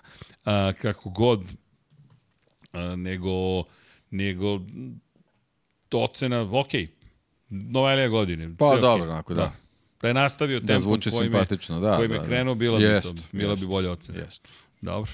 Sad postajemo strogi, polako ali sigurno. Pa dobro, Euforija mislim, znaš, opet, opet, znaš šta je, kad, kad porediš prema nekim vozačima koji su stvarno onako bili prilično zapaženi u sezoni, kad dođeš ovako do, do, ne, do nekih momaka koji onako su se možda i štedili u nekoj situaciji, ne, ne znam, sad dobro, je onako... Dobro, dobro, tu ovaj, smo da, da ne zalazimo sad baš, kažem, suviše duga okay. sezona bila i to je. I, i, I nama je onako, sad, sad nam je, ovo nam je reper za dalje. Ok, Da vidimo kako će se ko sa- snalaziti sa 44 trke u sezoni. šta će biti s Takakim na Kagamijem? E, taki, da. Taka na Kagami. Taka, taka. Nevidljivi taka. Si ga video u kadru? Ponekad. Tu i tamo. Ja nisam čoveka video u kadru. Taka, ima samo dva boda više od, od Rinsa koji praktično pola sezone nije vozio i još je pobedio. Taka ima 15 pojena Da. manje od Augusta Fernandeza. Pa taka, Da. ne znam. Znači, šesticu ne može da dobije. Pa, pet, Apsolutno pa, ne. ne, ne Koji on broj nosi?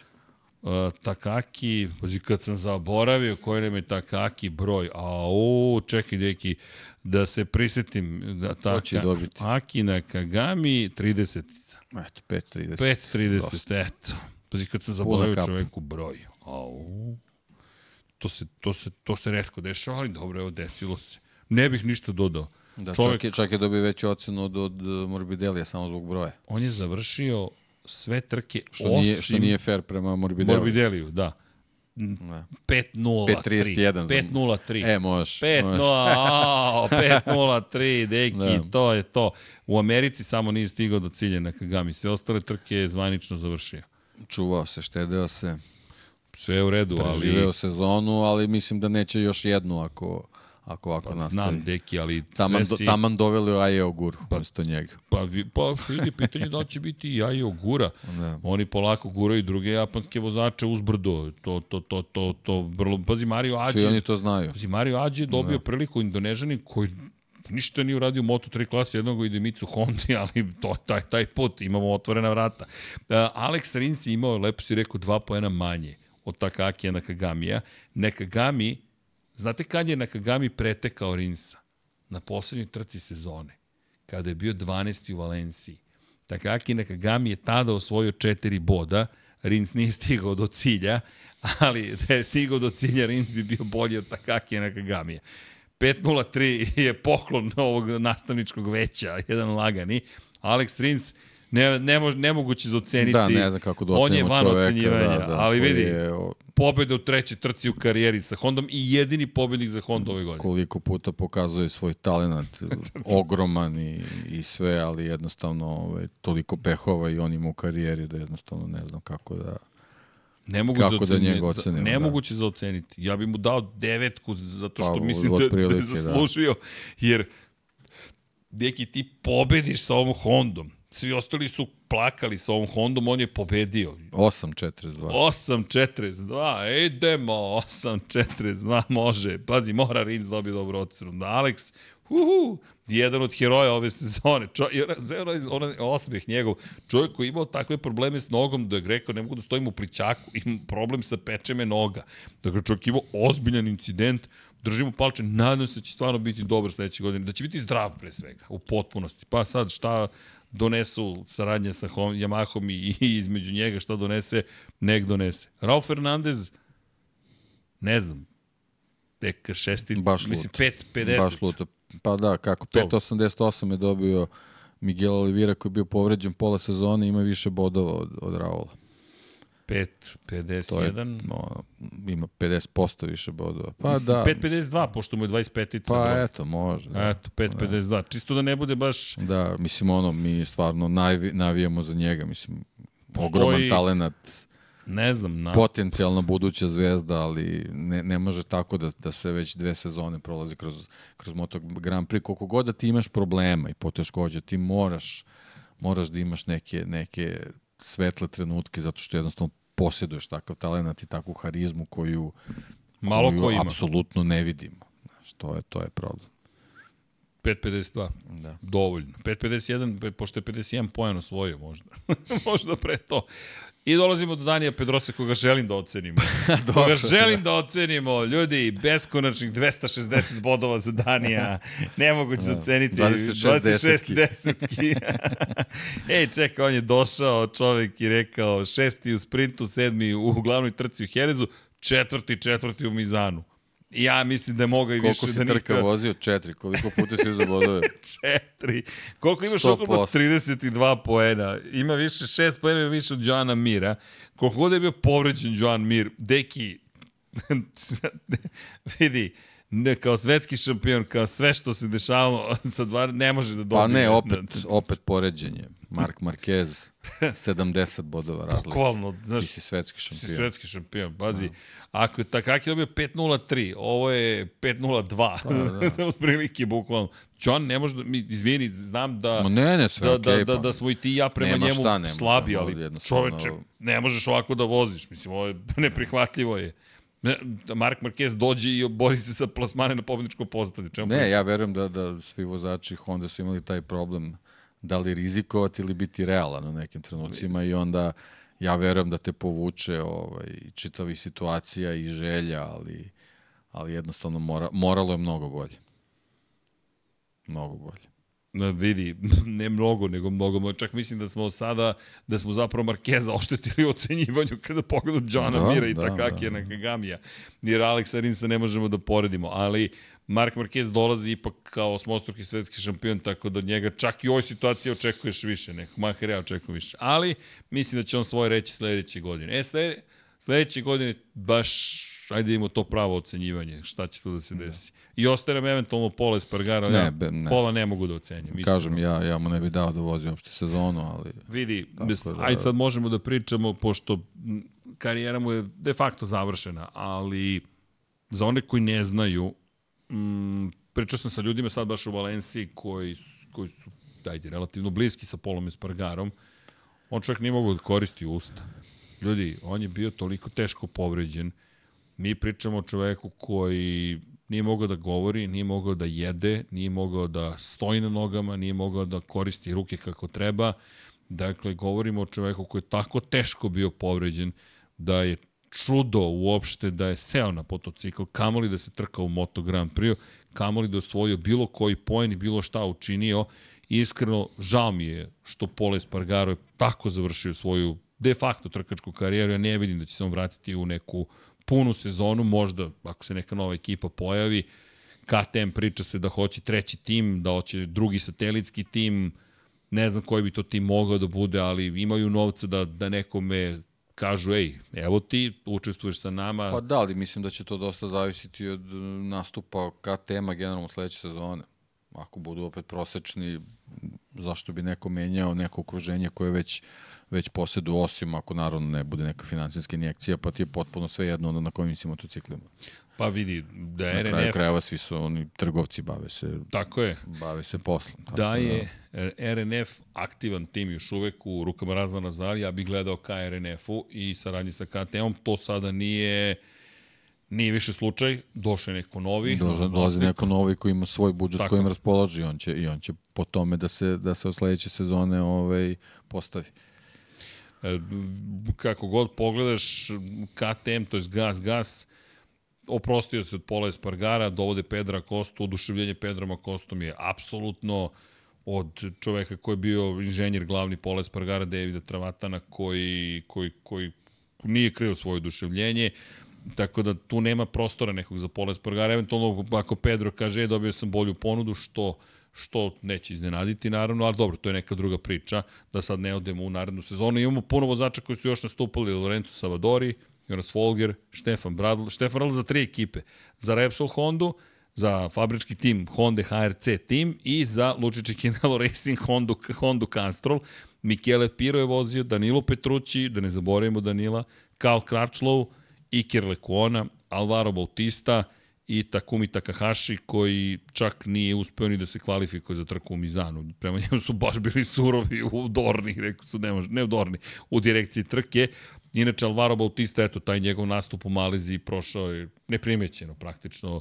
Čak ni kamera ga nije nešto previše Ali eto, i on je, i on je krio povredu i nastupao povređen, što isto je to. Je pogrešno je pogrešna poruka, po, bolje reci, ljudi, nisam spreman, ajmo negde drugde, nešto, ne znam, ali to ti ta želja. Pa da, mislim da nije ni moglo, pošto je bio prijavljen za to. Pa da, ali opet... Nije bilo prilike. A Ducati naredne godine, nemojte zaboraviti, da. po novom pravilniku nema više mogućnosti da vozače poziva, wildcard vozača nema, mada bi to trebalo da se menja tokom sezone, vidjet ćemo još kako će to sve da funkcioniš. Vidjet ćemo kako će ići, da, pošto je baš i duga sezona i možda, možda se desi neki presek. Da. Dani Pedrosa 8, Dani Pedrosa 9.26, taka kako je, malo je cenjivanje motora manje, malo je cenjivanje više e, motora manje vozača. E, Kvarto i dalje jak vozač, ne pocenjujte čoveka čim je seo na GP, na par trka se, pa sve je to okej okay mu djelo, ali to je bilo 2019. kada se on trkao sa Markom Markezom poslednji put, ne pocenjujemo ga, nego mi samo pokušamo celu priču da spakujemo u neki kontekst i... Ne pocenjuje se neko zašto dobio lošu ocenu, već da. naprotiv. Pa da, mi zapravo ga ocenjujemo, mi od njega eto očekujemo dosta, recimo tako, jer verujemo duboko u njegov talent. Ranč, inače, 67% je za ranč. Nije loše, ranč, tako da znam.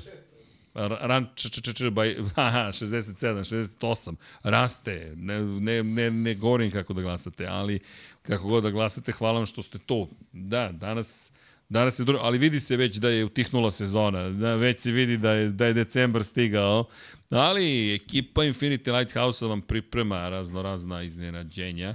Ne zamerite što nismo postavljali pitanje kako vi ocenjujete, potrajalo bi ovo još 6 sati. E, e, tako da više smo hteli malo da, da pričamo, da se družimo i tako dalje. Paja ne može da ocenjuje, jer imate pozdrav Paja, Paja rekao, ljudi ne razumijem se dovoljno da bih dao ocene, mogu samo da vam kažem ko mi se sviđa, ko mi se ne sviđa i to je to. Deki, prođe nama još jedna sezona. Malo podsjetnik, eto, pro, prođe smo kroz celu ovu priču, da baš čudno, moram ti priznati. Nekako... Dobro, da, dugo je trajalo, a imali smo jednu veliku pauzu, to je u stvari malo poremetilo ovaj, čitav neki neki utisak oko, oko, oko sezone, bukvalno su nas presekli na, na, na trećini i onda kao da smo kretali iz početka. Da, da ovih 12 trka na posle baš potporu, ja, se, ja prvog dela sezone se emotivno ne, ne, ne sećam koliko se sećam nekih trenutaka u toj celoj priči, ali kao da su odvojeni zapravo od ovog drugog dela sezone. Znaš, pobeda Rinsa u Teksasu, wow, kakav moment u, u istoriji Moto Grand Prix-a. Onda moment kada gledaš Danija Pedrosa. Becekijevo pobeda u Argentini. Becekijevo u Argentini. Ali ko je rekao? Moram da se pohvalim. Ko je to je jedino što sam pogodio cele sezone. Znaš kada, sad će Binder da pobedi. Evo ga Miller stiže. Ja sam ti rekao. Ja sam ti rekao. Imam jedno, ja sam ti rekao ali vredno da se zna. Da, da, da, da, da. Zanimljivo. Dobro, ta Argentina nekako baš je mirisalo mi je na, na, na, na beca. Sve je nekako ukazivalo, ali dobro, vidjet ćemo. Da, ali lepa sezona, sve u svemu, kad pogledaš. Jeste bilo jednu trenutku, morate priznati, sad se osjećam čudno, dva vikenda slobodna, i deki, ja ne znam šta ću, ne znam, ni, da nije da ne znam baš šta ću sa sobom, znam šta ću sa sobom, ali odjednom neke sveže misli, nekako osjećam se bolje, podrčnosti su se smanjili, ni da su mali, ali Pa ja samo prebojam, znaš, da, da, da u budućnosti ne krenu, znaš, sa, sa još nekim ovaj, suludim kalendarom. Mislim da je ovo sad već pomalo previše. Mislim da me niko ne shvati po, pogrešno, naravno, da, da je lepo kad non stop imaš neke trke, ali mislim da su neke stvari morale malo da se doziraju, ali generalno ta, ta trka za novcem na, i, i tim TV prostorom, to je onako baš postalo onako prilično ovaj, iscrpljujuće, moram priznati. Pa, ne znam, ne znam, ne znam uopšte kako da posmatram sve to što se radi, pošto tako je nestala transparentnost u, u komunikaciji, mene to zabrinjava i ta potreba što ti kažeš, daj brojevi, samo brojevi. Meni, meni najviše smeta, to smo naravno ove sezone imali mnogo puta, da jednostavno ti nemaš priliku da analiziraš trku, a već moraš da najavljuješ sledeću i koliko puta nam se desilo da sprint, recimo, uopšte nismo Ignorišemo ga. ignorisali, a sprint je u Moto Grand Prix zaista trka. E, A, Enea Bastianini nam je pokazao da je to u stvari samo skupljanje bodova, što je okej. Okay ali generalno uh, drugačiji pristup uh, nego što, što se pristupa velikim nagradama je sprintu dao za pravo da moramo i to ponekad analiziramo. Sad si mi zbunio, kako je Neja Bastianini nam je Pa to kad nije hteo da, da obiđe. Aha, okej, okay, okej. Okay. Da nije zapravo toliko bitno, nego... Tako je. Peko, tako evo ti, dobro, tako dobro, je. dobro. Samo da budem načist. Njemu je, njemu je nedelja važnija. Malo bila si me i- tiltovao, da, pa da, da da, bolje sve okay. da- Nisam, nisam ja Ne, složio ne, ne, ne, ne, ne, rečenicu, ti si dobro složio, okej. nego ja da budem 100% siguran. Da, znači i on nam je pokazao da su nedelje dalje bitnije i Pekove izjave su pokazale. Znači, moraš Pa dalje i- da se spremaš za veliku nagradu, a sprint je tu da skupiš neke bodove da bi mogao la, lakše da uđeš u nedelju i da ga iskoristiš da se dobro pripremiš za trku u trkačkim uslovima. Pa i činjenica da je Martin imao mnogo više pobjeda u sprintu u je. odnosu na Banjaju na kraju nije bilo dovoljno. Što kaže Banjaja, upravo što si Tako rekao, nedelja Ali je dalje vraćam se. Ostrovo Filip. Ostro Filip, da, da, da, Ostro, Mislim dobro. da, da je ta, to nevreme u stvari odlučilo sezonu. Znaš kako, Čak ne ni taj pad u Indoneziju koliko, koliko Ostrovo Filip. pa i on se više osvrnuo na, na taj izbor gume i na nevreme i na, ali ajmo, e, da, da se dotaknemo guma. Mišljen je rekao da nema potrebe tražiti izgovor za izgubljenu titulu u njemu, da svakako Pa bila je, bila onako analizu. baš jedna, jedna gruba rečenica prema Jorgeu Martinu i sad ne znam da li su nešto ustanovili pa se sad proma, promenila ta izjava. jasno. Ali generalno su pokazali da ovaj da ne žele da preuzmu kompletnu krivicu za, za ono što se desilo. Pa utisak je da, da, da, da, da vode računa o tome da, ne is, da njihova da. reputacija ne bude ukaljena u celoj ovoj priči. Jer Jer su, Deluje mi da imaju saznanje da recimo ta guma nije bila u nekoj lošoj situaciji u trenutku kad je montirana na, na motocikl, tako da vidjet ćemo. Ja, ja i dalje čekam ono što su oni rekli, te kompletne analize kad budu bile, nadam se da da neko neće to da zaboravi da, da ne dobijemo tu, tu kompletnu priču, ali ali generalno delo je da, da, da je tu bilo još neki grešaka osim samog Mišelina. ono što je rekao, apropo pričao, pa, pa Taramaso, inače, nije što, ti kažeš štede, ali Dani Taramaso ispričao mnogo više od toga, Piero Taramaso, izvinjam se, E, Taramaso je rekao da što se njega e, tiče, problem je u upravo tim preveličnim pričama, a niko ne primećuje broj oborenih rekorda ove sezone, niko se ne obazira na to da je bio sprint uveden ove godine, da se ljudi ne obaziru na to da imamo problem sa pritiscima u gumama koji nima veze sa njima, nego je pravilnik tako napisan da ti sada ti imaš timove koji se bore da nekako ostanu u tome, sve to utiče, Da, neko rizikuje, neko ne rizikuje, one, one sve kazne što, što smo imali, 90% njih je plod toga što su ekipe bile svesne da idu na rizik na, na, na, na, na limit vezan za, za pritisak u pneumaticima. Ali samo taj limit i donosi dobar rezultat. Ima još stvari gde je se ono svrnuo i na trku u Kataru konkretno i rekao je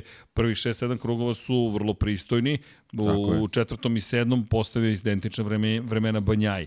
Pro, loše startovao, uspeo je da nadoknadi 3-4 pozicije, to ne možete ukoliko je, luša, ukoliko je guma loša. E, Sve su Pa to... kažem, te, te, ta promena u, u, u izjavama, u tonu izjave mi govori da oni već imaju možda neka saznanja, tako da vidjet ćemo kako će, kako će konačan ishod te istrage da bude. E, ono što je rekao takođe, ljudi, mi smo analizirali mašinu na kojoj je proizvedena guma, način na koji su transportovane, pakovane, jer to je za njih veliki udarac za francuskog proizvođača da neko dođe i kaže, znaš šta, ova guma nije radila, ja sam zbog nje izgubio titulu. Čekaj, stani, stani, stani, stani, to je sad naša reputacija. Pocenjuje se važnost reputacije, ne možeš ti tako da okalješ nekoga i da kažeš, e, ja ću sad da kažem šta god mi padne na pamet, stani, moraš i da staneš iza, iza svojih izjava, ali ne samo stojim iza moje izjave. Kojim argumentacijom, Tako. kojim informacijama. Najlakše je izneti optužbu i reći ja sam svoje rekao. Čekaj, čekaj, čekaj, čekaj, čekaj, čekaj. To se zove bukvalno povreda časti. Ti imaš moment koji ne smeš da prenebrigneš. I on je rekao, ne želimo loš publicitet, već da su vozači zadovoljni. I rekao je da poziva sve, novinare, tehničare, koga god da dođe u Francusku i da se uveri, ćemo da ih popišemo i kažemo, Pjero, mi smo Lab 76, hoćemo da dođemo da imamo kako se proizvode gume. Pazi kad ću sad da mu pišem. Sad ću pišem ekipi i kažem... Ne moraš baš sad. Neću 10, sad, 22, okay, 54. ali sutra deki pišem ekipi iz Mišlena i kažem, evo mi ćemo se dovesti, deki voli da vozi ta daleka putovanja. Ima fo, fo fetiš neki da vozi jedno 2000 km u jednom smeru. Evo, lagano. 1470. to, da, to je to. I e, rekao je pritom da je, kada je reč o, o gumi, i pritisak borbe za titulu i sve to uticalo takođe i na, na, na, na, na, na, na ishod i na ono što se sve dešavalo. Tako da, okej, okay ono što je tako ne, zanimljivo. Nije sporno da, da se nešto desilo sa, sa gumom, znači samo treba ustanoviti kad, kako i zašto. To je poenta priče. I nije tako crno-belo. Te, e, tako je. ja sigurno, pa i izjava kao što je, ne znam, Sergio Perez izjavio, nisam ja toliko loš. Nemoguće, nemoguće da sam ovoliko loš čekaj, a jesi možda pomislio, možda samo u ovom trenutku toliko ili mi nešto ne odgovara. Juče bi Zoran Živko kaže, a nije to isti bolid, rekao, čekaj, dok kad vidiš iz bliza, vidiš da nisu isti delovi. Kažem, ne, okay, sve, sve stoji. Sve stoji, ali opet, ja kažem, Nisam ne može da bude toliko, tolikom procentu to ne može da tolika razlika. Ne može, bude, ne može ti da budeš 17 i ovaj da bude prvi. Znaš, i da ti sad imaš ekipu koja toliko sabotira svog. Ali isto tako rekao, niko ne spori Verstappenov talent. Nesumljivi talent koji je više nego očigledan. Ne možeš tek tako da pobediš u 19 trka. Kakav god boli da imaš, to treba, to treba odvesti. Ljudi, ne, ne radi to samo, ne vozi se samo. Ali dobro, kada govorimo o kontroverzi zvanoj zadnja kuma Jorge Martina, I to je rekao Taramaso, zadnje, potrošnja zadnje gume je bila regularna, ali ona dovela takođe do potrošnje prednje gume, koja je dovela do pada performansi da je gubio celu sekundu po krugu i to je ono što je rekao Martin, I zadnje i prednje su mi pravile problem. Ali, ajde da se vratimo u subotu. Slične probleme imao Banjaja. Nije mogao nikoga da pretnekne, čuvao je poziciju i čekao nedelju. Što opet se vraćamo na to? Aha, nedelja će biti važnija. I tako. Ima neko neko pitanje možda dok smo tu, dok se družimo, dok traje. Uh, Srke, ako ti ne... ne uh, E, to ti Srki ako ti ne nisi ako ti e, ček ne nisam razumeo. Srki ako te ne zado, nisi zadovoljan sa komentariranjem Formula 1 odustani budi samo u MotoGP to ti je moj savjet. E, bolje ćeš se nisam kad sam rekao sam nezadovoljan komentarisanjem Formule 1. a, a mislite zbog umora? Ma ne, nisam ja imao problem sa time što komentarišem Formulu 1, ali, e, pa sad, to vam je, to vam je sad vrzino kolo. To su stvari koje ja volim, da to obožavam, to su bili moji dečački snovi, e, nego nego stvar u to i ne osjećam se ja loše što to ne, nego samo fizički teško, teško sve to izdržati, to je to. Srki, kada ćeš biti u 99 yardi? Luka, ako ne odem za Luksemburg u petak, bit ću u 99 yardi. Trebalo je da budem ovog vikenda sada.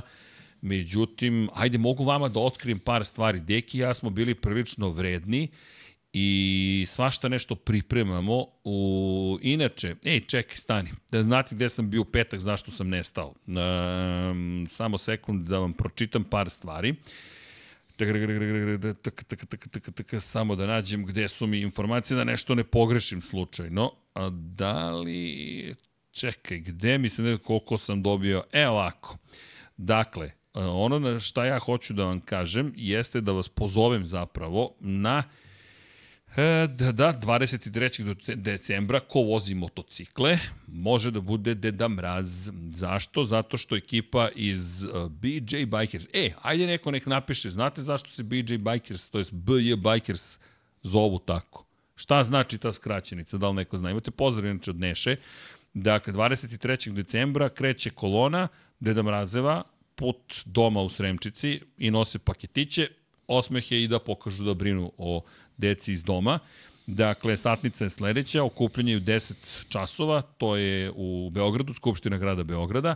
10.45 je tradicionalno zajedničko fotografisanje, u 11 časova polazak organizovane kolone ka domu u Sremčici, tradicionalna ruta, zatim 11.30, 11.45 dolazak u domu u Sremčici, 12.00, 14.30 druženje sa stićenicima doma, 14.30 polazak iz Sremčice i ide se ka restoranu Petica na Adi, 15.17 ručak i druženje u restoranu. E sad, zašto vam to govorimo? Zato što možete da odete lepo i da kupite, na primjer, odelo, dakle, odostavljene su neke od radnji i možete ostaviti donaciju za dom u Sremčici. Dakle, svako ko želi za 2000 dinara kupi Deda Mrazovo odelo i ostave još neku donaciju ukoliko žele. Sve to idu dobrotvorne svrhe. Zašto to spomenjamo? Pa zato što je dobrotvorne svrhe. Tako da znate. I eto, ja ću biti u koloni, to je sedeću kod uh, naša Aprilija još nije u voznom stanju, deki, ali sledeće godine 125-ica će da vuče ovih 110 kg, dok ne dođe do 11.000 obrtaja, ali Samo hoćemo da, da, da skrenemo pažnju da, na, na takve stvari. Zašto? Može, se uradi, može da se uradi nešto dobro. Lepa je priča, dva su točka u pitanju. Naši drugari, konkretno Igor i Aleksandar, učestvuju u tome i to je ekipa, inače, ja, ima neke emotivne veze, pošto Igor zapravo iz košarkaškog kluba Cerak, za koji je trener, ko, je trener bio takođe i naš Nemanja, koji nam je preminuo pre nekoliko godina i čiji dres i dalje čuvamo, veliki obožavalac Valentina Rossi, sve su to neke veze emotivne, a smatramo da je lepo da se te stvari podrže, pa eto, u suštini ko može, autoškola, ne znam, Vir Zona, to je u Jurija Gagarina na Novom Beogradu ili Ducati Srbija Burnout, to je Arsine Čarnojević ili Motoland, Garage Motoshop, malo da ispromovišemo tu ekipu, ko ode tamo kupio delo, može da učestvuje, možda ima i veći spisak, potražit ću gde još postoji, kako god, Eto, zato bili smo u petak sa Nešom zapravo iz BJ Bikersa i to je to.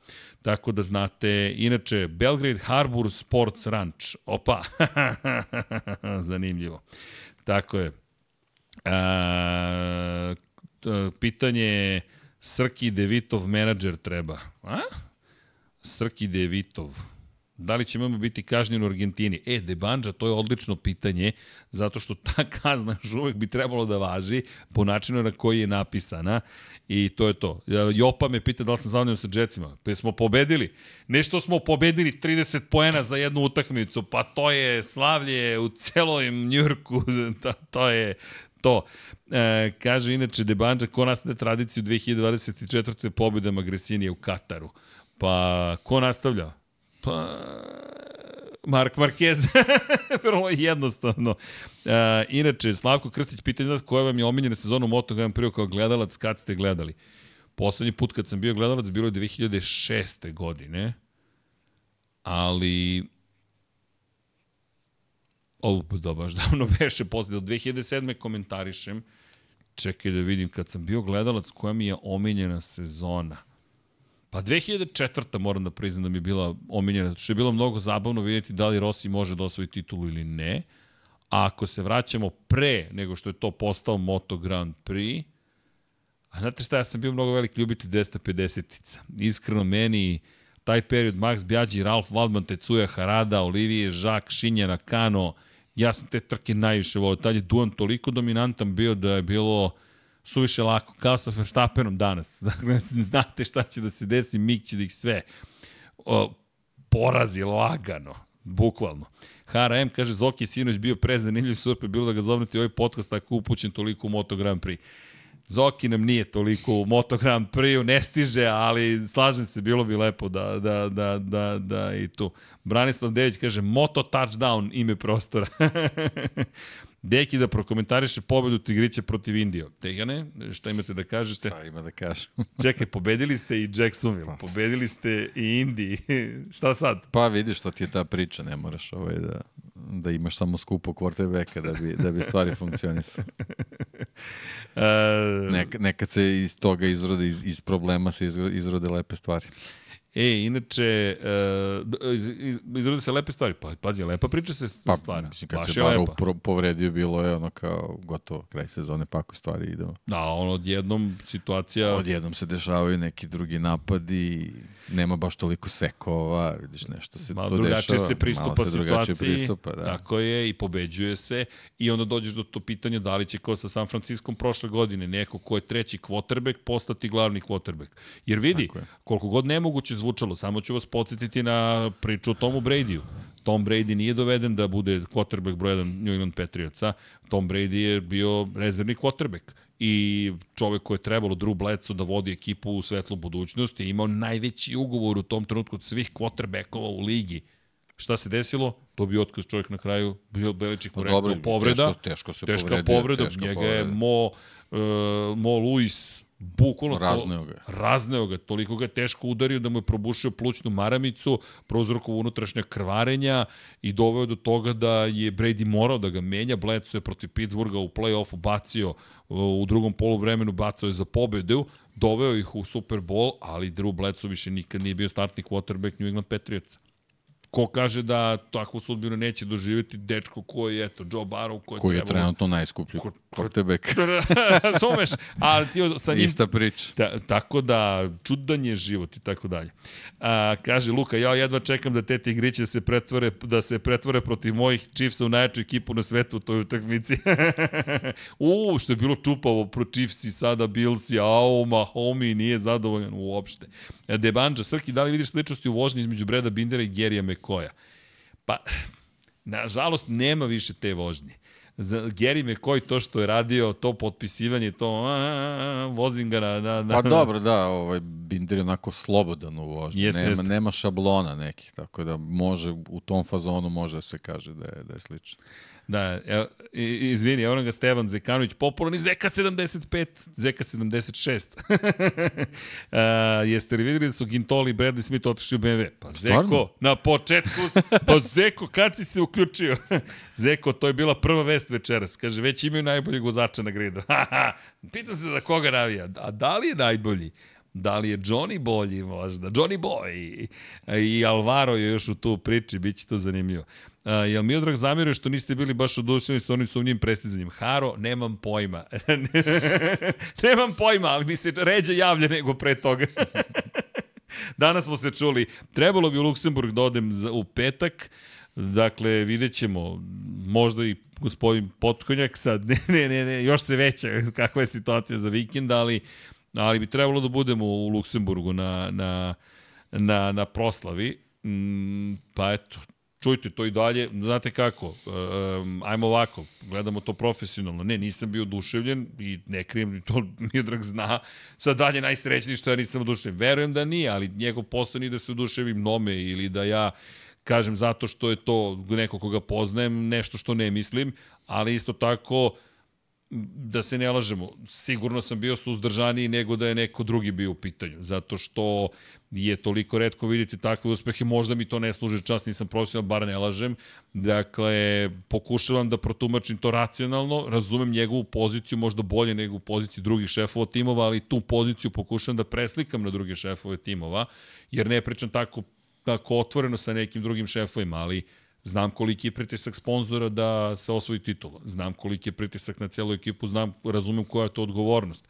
Nismo se videli umeđu vremenu, nismo pričali, pa jedva čekamo i subotu da se vidimo, da mi ispriča, ajmo da vidimo gde smo, jer napomenut ću ponovo istu priču, da je to Moto Grand Prix klasa, drugačije bih to posmatrao. Da je Formula 1, ne znam ni da o čemu bismo diskutovali, mi, ne bi ni bilo diskusije, bilo bi, e bravo, čestitam na tituli, to je ono što se očekuje da uradite u kontekstu taktike ali kažem, Moto3 kategorija je toliko toliko nekako, ne znam, čista, razumete, to su ipak neki mladi vozači tek stigli u svetski prvenstvo da mi je to bio uh, kulturološki šok, ali ajde, čućemo Miodraga.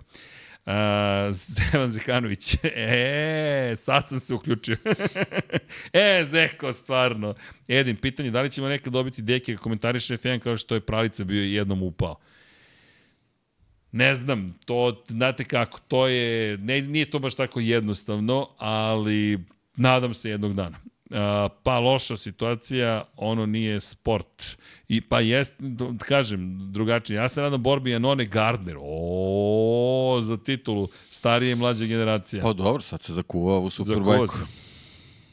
E, ne, ali Debanđa kaže zato kada VR gura rukom Masiju, to je sportski. Nisam rekao da je sportski, to sam rekao da je nesportski. Čekajte, čekajte, nemojte da me svrstate u kampove. Ja sam rekao ni VR-ov potez nije sportski, daleko od toga. Samo što to što je VR gurao Masiju ne znači da je sportski ono što je uradio Masija ili ono što je uradio Adrian Fernandez. Jedno ne potire drugo. Ni jedno ni drugo mi nije baš ono što bih želeo da vidim. Ali isto tako, ljudi, ajmo ovako, ja ću se vratiti na tu priču. A Yumu Sasaki je bio na istoj poziciji fizički na kojoj je bio Jaume Masija u dru, ko, posle drugog njihovog momenta.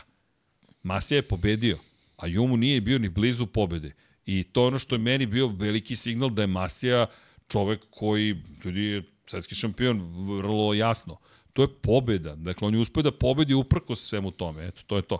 E, Debanđa, nisam rekao za tebe Srki, nego ljudi previše generalizuju stvari. Slaže se Debanđa, nije to tako, to je kompleksna situacija, zato kažem, pokušavamo da uvek nekako predstavimo da drugu stvari, jer Ayumu Sasaki, mi ga stvarno obožavamo, ali i Ayumu izbacili su ga iz takta i to je nije lako, kažem, ni, ni, čudno je u Moto3 klasi, ali samo prebacite to na Formulu 1. Da je to urađeno u Formulu 1, to je šta je uradio Sergio Perez 2021. Lewisu Hamiltonu. Bukvalno ga je blokirao, 9 sekundi ga je koštao, Max ga je sustigao.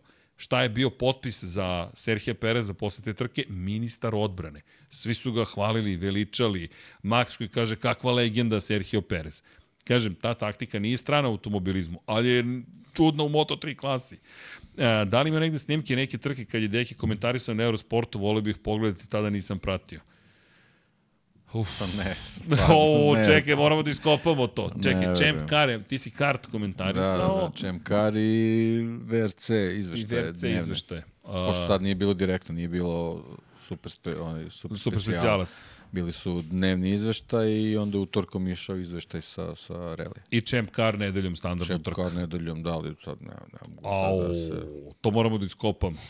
to moramo da iskopamo, negde, to je 2006. godina. Šest. 2006.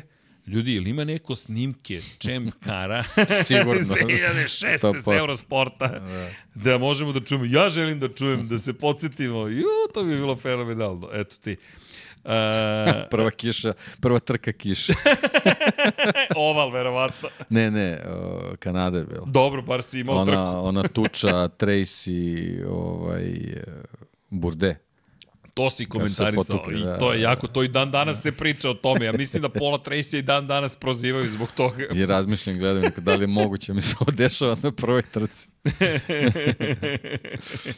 E, Branislav kaže, Moto3 to su klinci, to nije za poređenje sa top, top klasom. Slažem se. Dobro, da neko pogine, nije baš mogao da pogine, da, to je to. A, kaže da je Sasaki samo jednom povedio Boris. Slažem se, Borise, na, nije jednostavno. Edin, znam da volite automoto, da li biste dopustili vašoj deci banje tim, na primjer, Julio ne znam kako do sada nije osedeo. Pa, poštovanje, poštovanje tuđih želja. Ako bi volio da se bave, naravno da nema na silu ništa. Pa, kako, šta da mu kažete ako želi? Ako bi mogao da biram iskreno, bih mu pre rekao, idi na četiri točka, molim te. Četiri, nemoj dva, ako volim dva. Ali znate kako, teško je, šta da kažete detetu?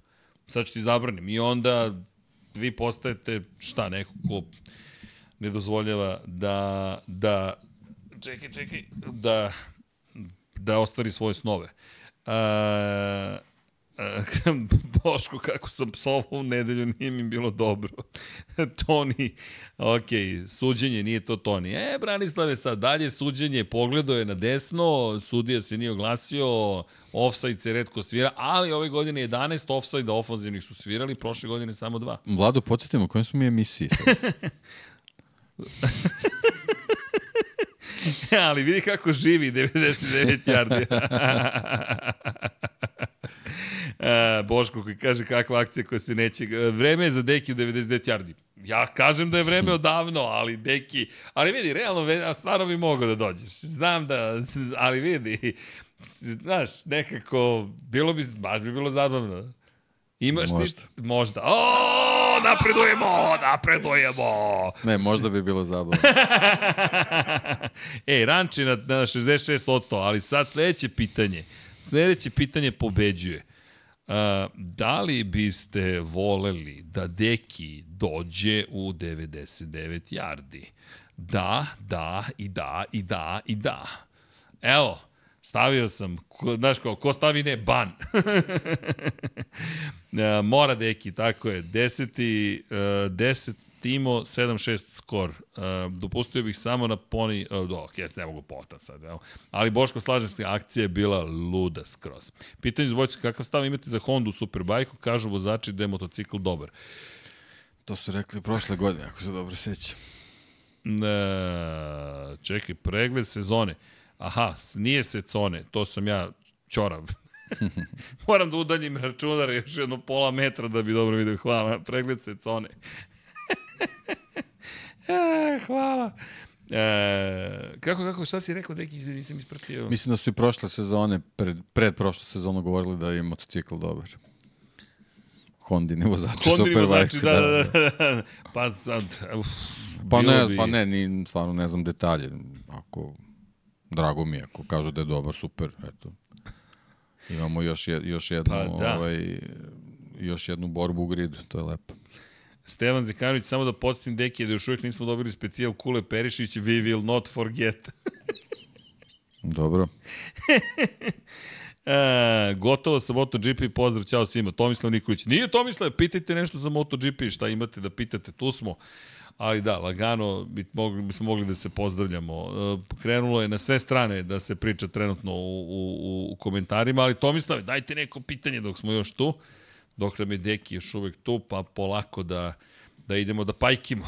E, šta smo Uh, Srki, mislim, treba da spomeneš čisto radi promocije, Dušan Borković, pa to ne znamo još uvek. To ćemo da sačekamo da vidimo da li se stvarno pravi tim ili ne, ali imamo, mogu nešto, znate šta mogu da vam kažem? Evo, znam imam jednu pouzdanu informaciju, a to je da je jedan, jedan mladić iz, od 14 godina iz Srbije testirao za Van Amersfoort Racing Formulu 4 i ukoliko bude sve u redu, ukoliko potpišu ugovor, vozit će naredne godine u šampionatu Italije Formule 4. Pitao sam oca da li smem da saopštim, rekao je samo napred, imamo i prve snimke sa staze, oni danas i sutra testiraju u Barceloni, testirali su na Paul Ricardu, To je momak se zove Andrija Tošić.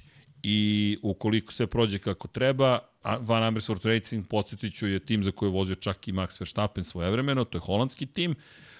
Andrija je talentovan, ali znate šta, jedno je talent, drugo je boriti se sa tim alama. Deki, to je mega jak šampionat. Ukoliko uđe italijanski šampionat Formule 4 i to posle par godina u kartingu, to će baš biti onako izazov ozbiljan. Ali eto, pratimo šta se dešava i uh, Andrej Petrović, da podsjetimo, koji je pobedio na Rotaxovom kupu i to je baš velika pobeda. Mi se nadamo da ćemo uspeti da, da, da, da ga ugostimo volili bismo da popričamo s njim sa 23. pozicije, neki u bilo kom takmičenju sa 23. mesta na prvo je veliki No, tu je uspeh. bilo i više trke, tako da. Tako da, da to su neke zanimljive stvari. Tako da eto, čekamo pouzdane informacije, ali u svakom slučaju kada govorimo o nekim novim klincima, eto, stiže neka nova ekipa, mi se makar nadamo, s tim što Petrović, Andri, ni, Andri nije toliko mlad, Andrija ima 14 godina, pa eto, nadamo se, stvarno bi bilo fenomenalno da se tako neke stvari desi, a Ivica Milošević hoće li Kotor u goste uskoro? Ne znamo, vidjet ćemo ga u petak, subotu, pa da vidimo kakvi su mu planovi, mi bismo volili da nam dođe baš u studio, da malo pričamo o, svemu i to je to. Kaže, jel taj Tošić ima veze sa kružnim stazama? Kostić. Ko, uh, Kostić, nije Tošić, je li tako? uh, Andrej Kostić, da, nije Kostić. Tošić. Kostić, Kostić, Andrija, Andrija Kostić. Da, možda sam ja rekao Tošić, izvinjam se. Andrija Kostić, izvinjam se. Ali hoće li Kotor uskoro goste, tu kažem, čekamo, čekamo, nadam se da će, da će nam uskoro doći. Deki, evo, 70%, 8% glasova je za tvoj dolazak. To je samo pritisak vršimo. Peer pressure, public pressure. Dobro, nije 100%, to je bitno. Kako se vadi. Bio je ispod 50 na početku. Bio ispod 50. E, vidiš. O, ko je to glasao? Pozdrav svima. Pozdrav svima. da, da, da. Zašto da ne povede Pikeras ili Fernandez možda čak i Masiju? Da mislite u goste? Verujte, mi nemamo problem sa time, to je sad samo pitanje za Miodraga Kotura, dakle, ako, ako je raspoložen, ali eto, idemo da pregovaramo, tako da držte, e, držte nam palčeve, vi pišite Miju na, na, na Instagramu, Mio, ajmo, Lab 76, itd., itd., itd. Uh, Hara pita da li je Toprak deo BMW-ovog plana ulazka u Moto Grand Prix ili samo želiti tu superbajku. Uh, daleko je MotoGP. To su vam makar pet godina Pa, rada. da, to nema veze jedno s drugim Da. generalno.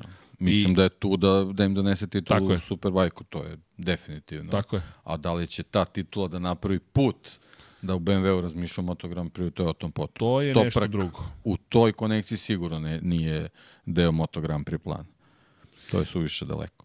E, ono što je poenta jeste, samo da se razumemo, e, zaista pet godina minimum vam treba, sa srećom četiri da vam treba da dođete do nekog zbiljnijeg rezultata. Pogledajte koliko je sve e, izjednačeno u Moto Grand Prix-u. Prosto pogledajte koliko, koliko je teško, Honda ljudi teško uspeva. Sad zamislite jedan BMW koji nema nikakvo iskustvo s Moto Grand Prix-em. Nikakvo. Realno, šta, ima Superbike, koji se, ne Superbike, nego safety bike. Znaš kao, a, vozimo safety bike kad pada kiša. Čak nije ni safety bike, ne puste ih ni čak ni safety bike, nego im puste zapravo da, vode, da voze BMW klasične automobile.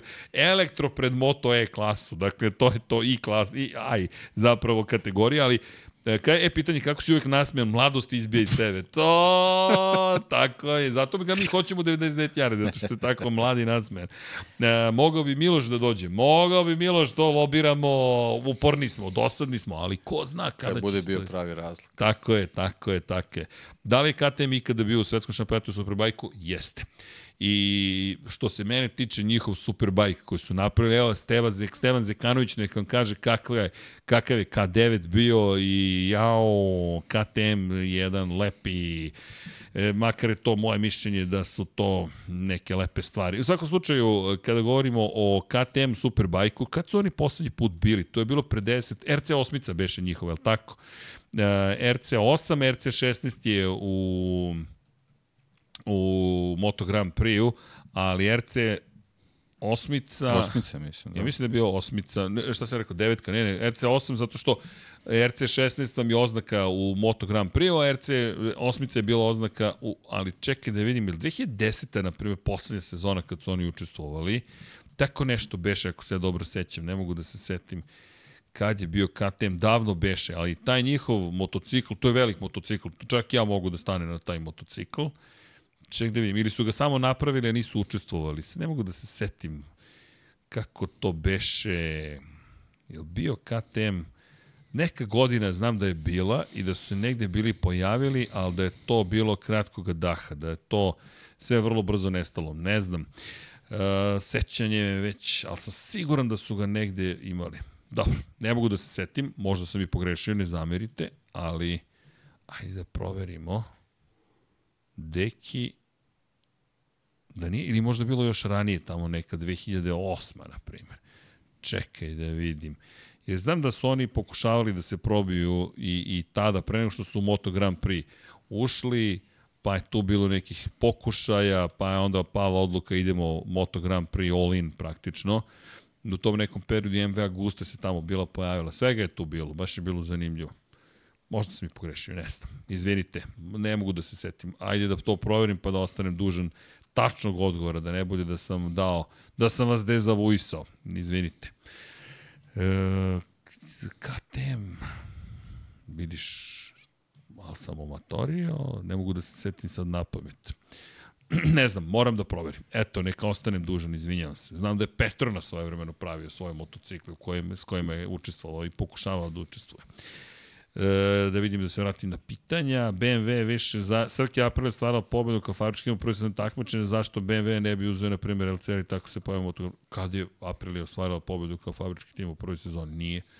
To što se zvanično vodi da je to bio tim Aprilija je godinama bila u, još od CRT timova je Aprilija u šampionatu sveta Moto Grand Prix. I baš su im je mnogo bilo po- potrebno, baš im je bilo potrebno mnogo vremena. Uh, ka, koga je Toprak trebao voziti u moto, za koga je trebao voziti, zašto je propao njegov dolazak, velika je šteta, bio bi superstar. Zato što je potpisao za Red Bull, između ostalog i nije mogao da testira Yamaha M1 Monster ekipe, te njegova prepreka je ležala u zapravo ličnim sponzorima i prosto nije dobio adekvatnu podršku i to je to. Baš, baš se nekako potrefilo da, da mu se ne otvore vrata, niko drugi ga nije hteo, ali ajmo da vas pitam pre Topraka, zašto Johnny Rea nikad nije dobio ugovor u Moto Grand Prix. Dobio je u par navrata priliku da menja Casey Stonera i to je bilo to. Johnny Rea nikada nije dobio pravu šansu u Moto Grand Prix. Ne samo Toprak razgatli oglu. Razumete? Tako da je to... E, evo, kaže Miroslav Cetić, KTM je učestvovao u nemačkom superbajku, nije u svetskom. Da, to znam da je negde bilo, izvinjam se za grešku. Hvala Miroslave. Znam da mi je negde ostao, ali taj RC8 nji- generalno, meni se taj motocikl dopao i taj njihov projekat koji su imali, ali moram priznati da, da, da nisu ni približno otišli tako daleko koliko se sećam sa, evo, i potvrdu Miroslava, hvala, kada je reč o Moto Grand Prix. Što je isto negde njihov stav mm, u kontekstu toga da su oni hteli da da osvoje nešto što nikad nisu osvojili, a to je titula na kružnim stazama na asfaltu. Jer su oni zapravo uvek bili motokroseri, superkroseri, kako želite. Dakle, na nekom, u nekom drugom takmičenju je KTM bio zaista vladar, vladar izvinjam se, i iz te perspektive ulazak u Moto Grand Prix je bio baš veliki iskorak, ali sa jasnim stavom dolazimo da pobedimo i da mi budemo ti koji su najbolji svogde praktično. Inače, taj KTM, m, koliko se seća, 1190 ili 1200 kubika imao. 1190. Koji je 190? To je to. Znam zato što sam sedeo na tom motociklu, veliki, baš mi se dopao što mo mogu da sednem. Kad sednem na Panigale, to je zaista kod dete tu igračku da sam ukrao. Otprilike tako izgleda, ko, ko bi kažem je ista, ali zaista izgleda drugačije. I taj KTM za nas malo više nekako bila, bila dobra mašina ali kratko se proizvodilo. I to bi bilo to. E, što se tiče KTM. Crki, da li se Leopard takmiči u TCR-u, da li je Midrag povezan sa time ili nije? Ja mislim da su oni odustali od TCR-a, ne znam da li se još uvijek Da, takmiče. bili su, Robert Huff je vozio. Kako Da. se sećam za Leopard Racing, ali nisam, ne, ne znam, nisam ni TCR zadnje dve sezone, da budem iskren, nisam nešto pretrano ni pratio. Jedne godine mislim su čak uzeli titulu. Evo ga, Leopard Racing 2015. kada su s Kentom osvojili titulu. Sad ću reći, mislim da je ovde negde stajalo da su imali zapravo, evo ga, ovo je lepo urađen jedan godišnjak, ali e, te, te, oni su u biciklizmu imali ekipu, koliko se ja sećam. Pa dobro, sponzori. Da, sponzori Ok, su, da. ali ne mogu da se setim sada da li su imali... Mislim da čak na, jednoj, na jednom godišnjaku imaju slike. Ovaj, ćemo to da vidimo, da im 2016. možda čak i na naslovnoj čak bilo nešto. A, jeste, evo ga. Eto. Evo ga, Leopard Racing, to je to sa Volkswagenom. Racing Activities 2016. Ali oni su, ne zaboravite, ušli u Moto2 klasu tada i svašta su radili. Jao, vidi fotku, deki. vidi fotku. Brad Binder pobeđuje u Mizanu. Na poziciji 2 je Nea Bastianini za Gresini i za Leopard Joan Mir. Kako su bili mladi. Vlado, daj ovu fotku da prikažemo publici. Bastianini i Mir i Binder. Sve počinje u Moto trojkama. Sve tamo počinje. A da im gde je TCR, to je negde na začelju bilo. Da, da, evo Da, ga šampioni TCR. 2016. Tako da. je, šampioni Komini, 2016. Da. Komini, to je to. Ali sad koji je Kut Kotor igra ulogu u tome, to ne znam. Eto. Opa! Odgovorili smo. Srki, ako bi imao svoj GP tim, da li bi pre doveo Kostu ili Arbolina? A Kostu. Ne, uopšte ne bih razmišljao Toni Arbolinu, a Kosta ljudi je poseban talent. Pogotovo sad posle ovih izjava i onoga što sam video u Valenciji, ne bih trepnuo. Bukvalno ne bih trepnuo kada njemu, o njemu ljudi koji su dugo u šampionatu govore da vozi kao da je već tri godine na Moto Grand Prix motociklu, to vam dosta govori. Stevie G, 8 MM93, pozdrav, planiram da kupim karte za MotoGP Austriju narednih 10 dana. Može par nekih sateveta oko odabira termine, pregled mi bitan i da, mo, da li može sa, sa nekih tribina da se siđe na stazu dole.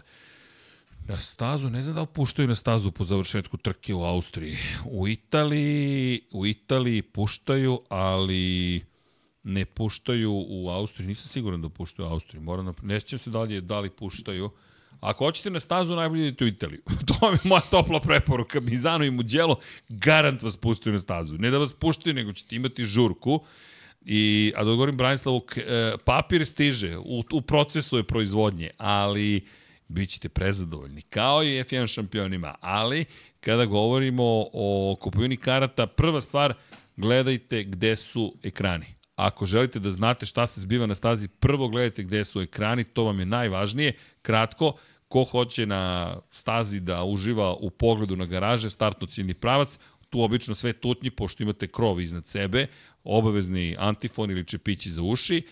A, Koliko želite da gledate ludilo dodavanja gasa, sedite na tribinu koja gleda od pozadi na startno ciljni pravac, tu se lepo spuštaju iz 9. 10. krivine, vidite i nizbrdicu i napade, kočenja, tu je uvek neki haos, ali ono što je mnogo bitno jeste kako dodaju gas, to je lep pogled. Prva krivina vam je lepa zato što doleću, ali imate zidić jedan pa ne vidi se baš sve tako dobro. Onda blagi spust po uspon, 2A, 2B vam je super ukoliko želite da vidite spore prolaze i to vam je super za sa moto trojkama. Kad karavan moto trojki dođe, em, tutnije mi lep pogled i gore na trojci, ukoliko želite da vidite kako dolaze kod vas, to je isto mnogo lepo, tu ima preticanje, ima svega, zanimljivo i onda se sjure tamo ka četvorke. To je sad general admission, Inače, staza je takva da vi dole vidite šestu, sedmu, nazire se malo od neki dijelovi pravca poslednje prve krivine. Zatim četvorka, to je prilaz zapravo. Spuštaju se ka vama, šesta, sedma, to mi kod bika. To je super zato što su to brze krivine, onda prolete, pam, pam, možete lepo da ih pratite, ima po nekoj preticanje, čak i u Moto Grand Prix-u. To je inače za formulaše Max Verstappen tribina. E, zatim izlaz iz sedme, to jest osma u desno, tu ne znam gde su tribine, tu je negde šuma, nemam, ne znam tačno, nemam pojma tačno. I onda pogled deveta vam je super zato što doleću iz šume, iz kanjona i onda se sjure tamo na dole. Pa sad eto, opisao sam celu stazu, nadam se da sam pomogao, ali prvo i osnovno pravilo, ako želite da znate šta se događa na stazi, gledajte gde su ekrani. Bukvalno, to je to.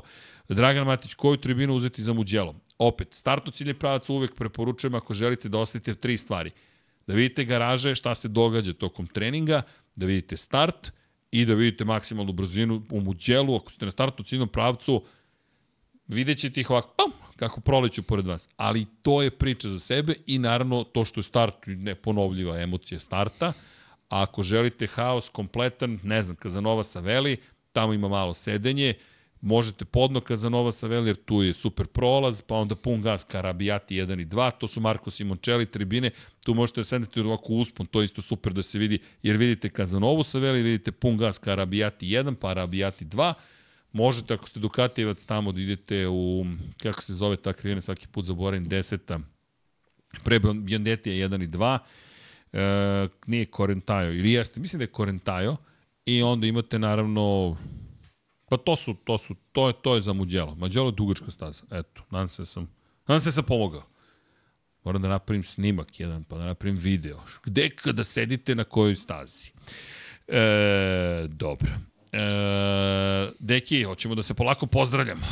Pa, Produži se ovo odjavljivanje 87% je reklo da dođeš, tako da... Ali 13 je rekao Ali da ne. Poštujem. Poštuješ publiku. Povucite svoje glasove. Deki, šta ti kažem, hvala. Ducati ima svoju tribinu na Muđelu. Da, da, Ducati ima svoju tribinu. Zapravo, nije imao 2021. Čak ni oni nisu sagradili tu tribinu, jer je to montažna tribina. Ali to je ona duga krivina u desno. Ja mislim da 10. ili 11. ne se tačno na, na pamet. Um, ako tako pričaju, zašto ne bi mogao bar do dve pobjede? Ako osta do pobjede, napeto ljudi, napeto. Jedno je to što on talentovan, treba kontrolisati gume, elektroniku, dobro startovati, odvesti dobre kvalifikacije, ostati pribran, e, izdržati pritisak onih koji vas napadaju. I, i motocikl. I motocikl, ima tu posla za njega. Tako da, talentovan, a ko je zabeležio pobedu u debitanskoj sezoni? Mark Marquez je svoju titulu ljudi u debitanskoj sezoni. Jorge Lorenzo je pobedio u svojoj drugoj trci u karijeri. E, mi pričamo o, o, o velikanima sporta. Valentino Rossi je pobeđivo u svojoj debitanskoj sezoni. Opet, to je sad pitanje za Kostu. Šta može Pedro Acosta? Ne znamo, ali malo je drugačiji motogram. Ali opet, oni su tad sedeli na vrhunskim motociklima koje drugi nisu, ima, nisu imali svi sada, kaže drugačije. Jorge Lorenzo to rekao. Kaže, ja danas ne bi Zato mogo... Zato je šteta što Acosta nije dobio fabričku pravu verziju. Tako je, sa ugljeničnim vlaknima, a ne sa čelikom. Ali to je sad na njemu. Dobro, na njemu je, da, vidjet Da kaže, nema veze. A, pit, pitanje je bilo pre Martina ko je zabeležio pobedu. Ko je poslednji pre Martina ko je u debitanskoj sezoni? Ne znam na pamet ko je... Je li Martin uopšte u debitanskoj sezoni pobedio? Ja mislim da u drugoj godini zabeležio pobedu. Je on... Čekaj, čekaj, ko je beše on pobede godine pobedio? Ne jeste on u debitanskoj sezoni. To mu je bila prva godina. Pol pozicija u drugoj trci u karijeri i onda pobeda. Iako je bio povređen u Portugalu, zabeležio pobedu. I onda pobjeda, pobjeda. Pobjeda, Pobjeda, pobjeda, pobjeda, pobjeda. E, da, da, pre Martina, nisam siguran, nisam siguran. E, znaš ko je pobedio u debitanskoj sezoni? Brad Binder. Brad Binder, je došao u 2020. u kategoriju, seo na Ducati Došao, na KTM, video. došao, video i ovladao. Jao, sad, sad, evo sad ću vam reći, mislim da je Binder Diži 100%. ocenu za Binder. Diži ocenu za Bindera, čekaj da vidim. Oženio se Binder inače. Da vidim, gde je Moto Grand Prix? Tako je, treća trka u karijeri Brad Binder. Jao, glava još radi. I u to ime završavamo večerašnji podcast u momentu kada mozak Da možda pročitaš. Da. Znaš ono, jesam ti rekao da će Beceki da pobedi u Argentini. e, to je na tom nivou. E, sjajno. A, kada je jedne godine Rossi vozio Ferrari, da li ste njemu ponuđen prelazak u F1? Ja, pa znate kako.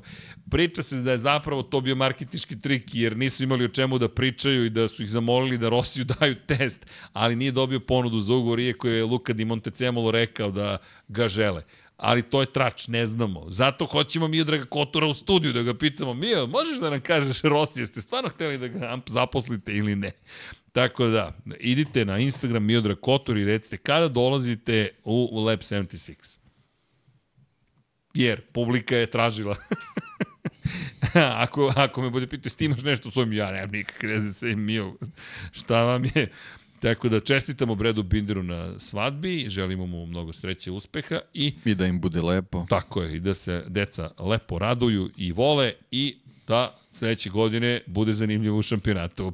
I Dekija se zasmeo dovoljno da pređemo na čitanje imena svih Patreona, ali pre nego što se odjavimo, ljudi, klikajte like, share and subscribe, patreon.com kroz Infinity Lighthouse, ja ću vas zamoliti, podržite nas, zato što nam je to potrebno. Verujte, onog momenta, ako nam ne bude potrebna finansijska pomoć, podrška i sve ostalo, prvi ćemo vam reći, drugari, huhu, trošimo sada još više, ali za sada bez vas nema nas, bukvalno nas nema, tako da što veća gledanost, to vas je više, što više kupujete nama, jel te, više goriva da trošimo, jer verujte, u autosportu to funkcioniše drugačije, zarađuješ negdje drugdje da bi trošio u automotosportu, tako da je sve okej. I mi se radujemo i baš, se, baš jedno čekamo neke lepe stvari koje stižu, pa eto, ukoliko možete, super. Ali, e, želimo vam, inače, lepo veče, lepe vikende, vidimo se sledećeg utorka kada je reč o Moto Grand Prix, 99 yardi u petak, kada je reč o 1 na 1 u sredu, pod kapicom u četvrtak, možda i bude neki Lab 76 specijal, pratite ovaj kanal, pa će se sve samo kasti.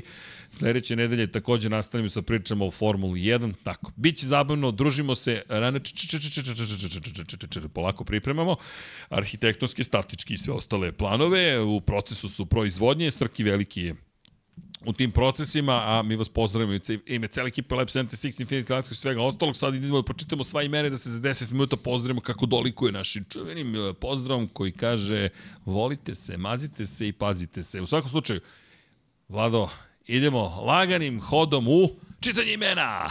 Nerad Đorđević, Branimir Rijevec, Milan, Jelena Veljković, Katarina, Jelena Mak, Optimistik, Josh Allen Fan, Ivan Panajotović, Branimir Petroni- Petronijević, Nedim, Stefan Lešnjak, Petar Nujić, Simović, Sarajevo, Đorđije Lopušina, Jovan Đodan, Stefan Radosavljević, Mlađan Antić, Ljubo Đurović, Ivan Rečević, klub štovatelja Ramona Mireza, Petar Relić, zatim pa Šefko Ćehić, Benđo Kaka, Nenad Pantelić, Marko Radanović, Mirina Živković, Marko Kostić, Vladidov Dave, Strahinja Blagojević, Milan Nešković, Marko Horg, Igor Gašparević, Ružica Stefanović, Nemanja, Daniel Kolobarić, Stevan Zekanović koji je kasnio, Bojan Bogdanović, Milan Ristić, Boris Gvozden, Grgo Živaljić, Vladimir Petković, Ivan Maja Stanković, Nikola Milosavljević, Alen Stojčić,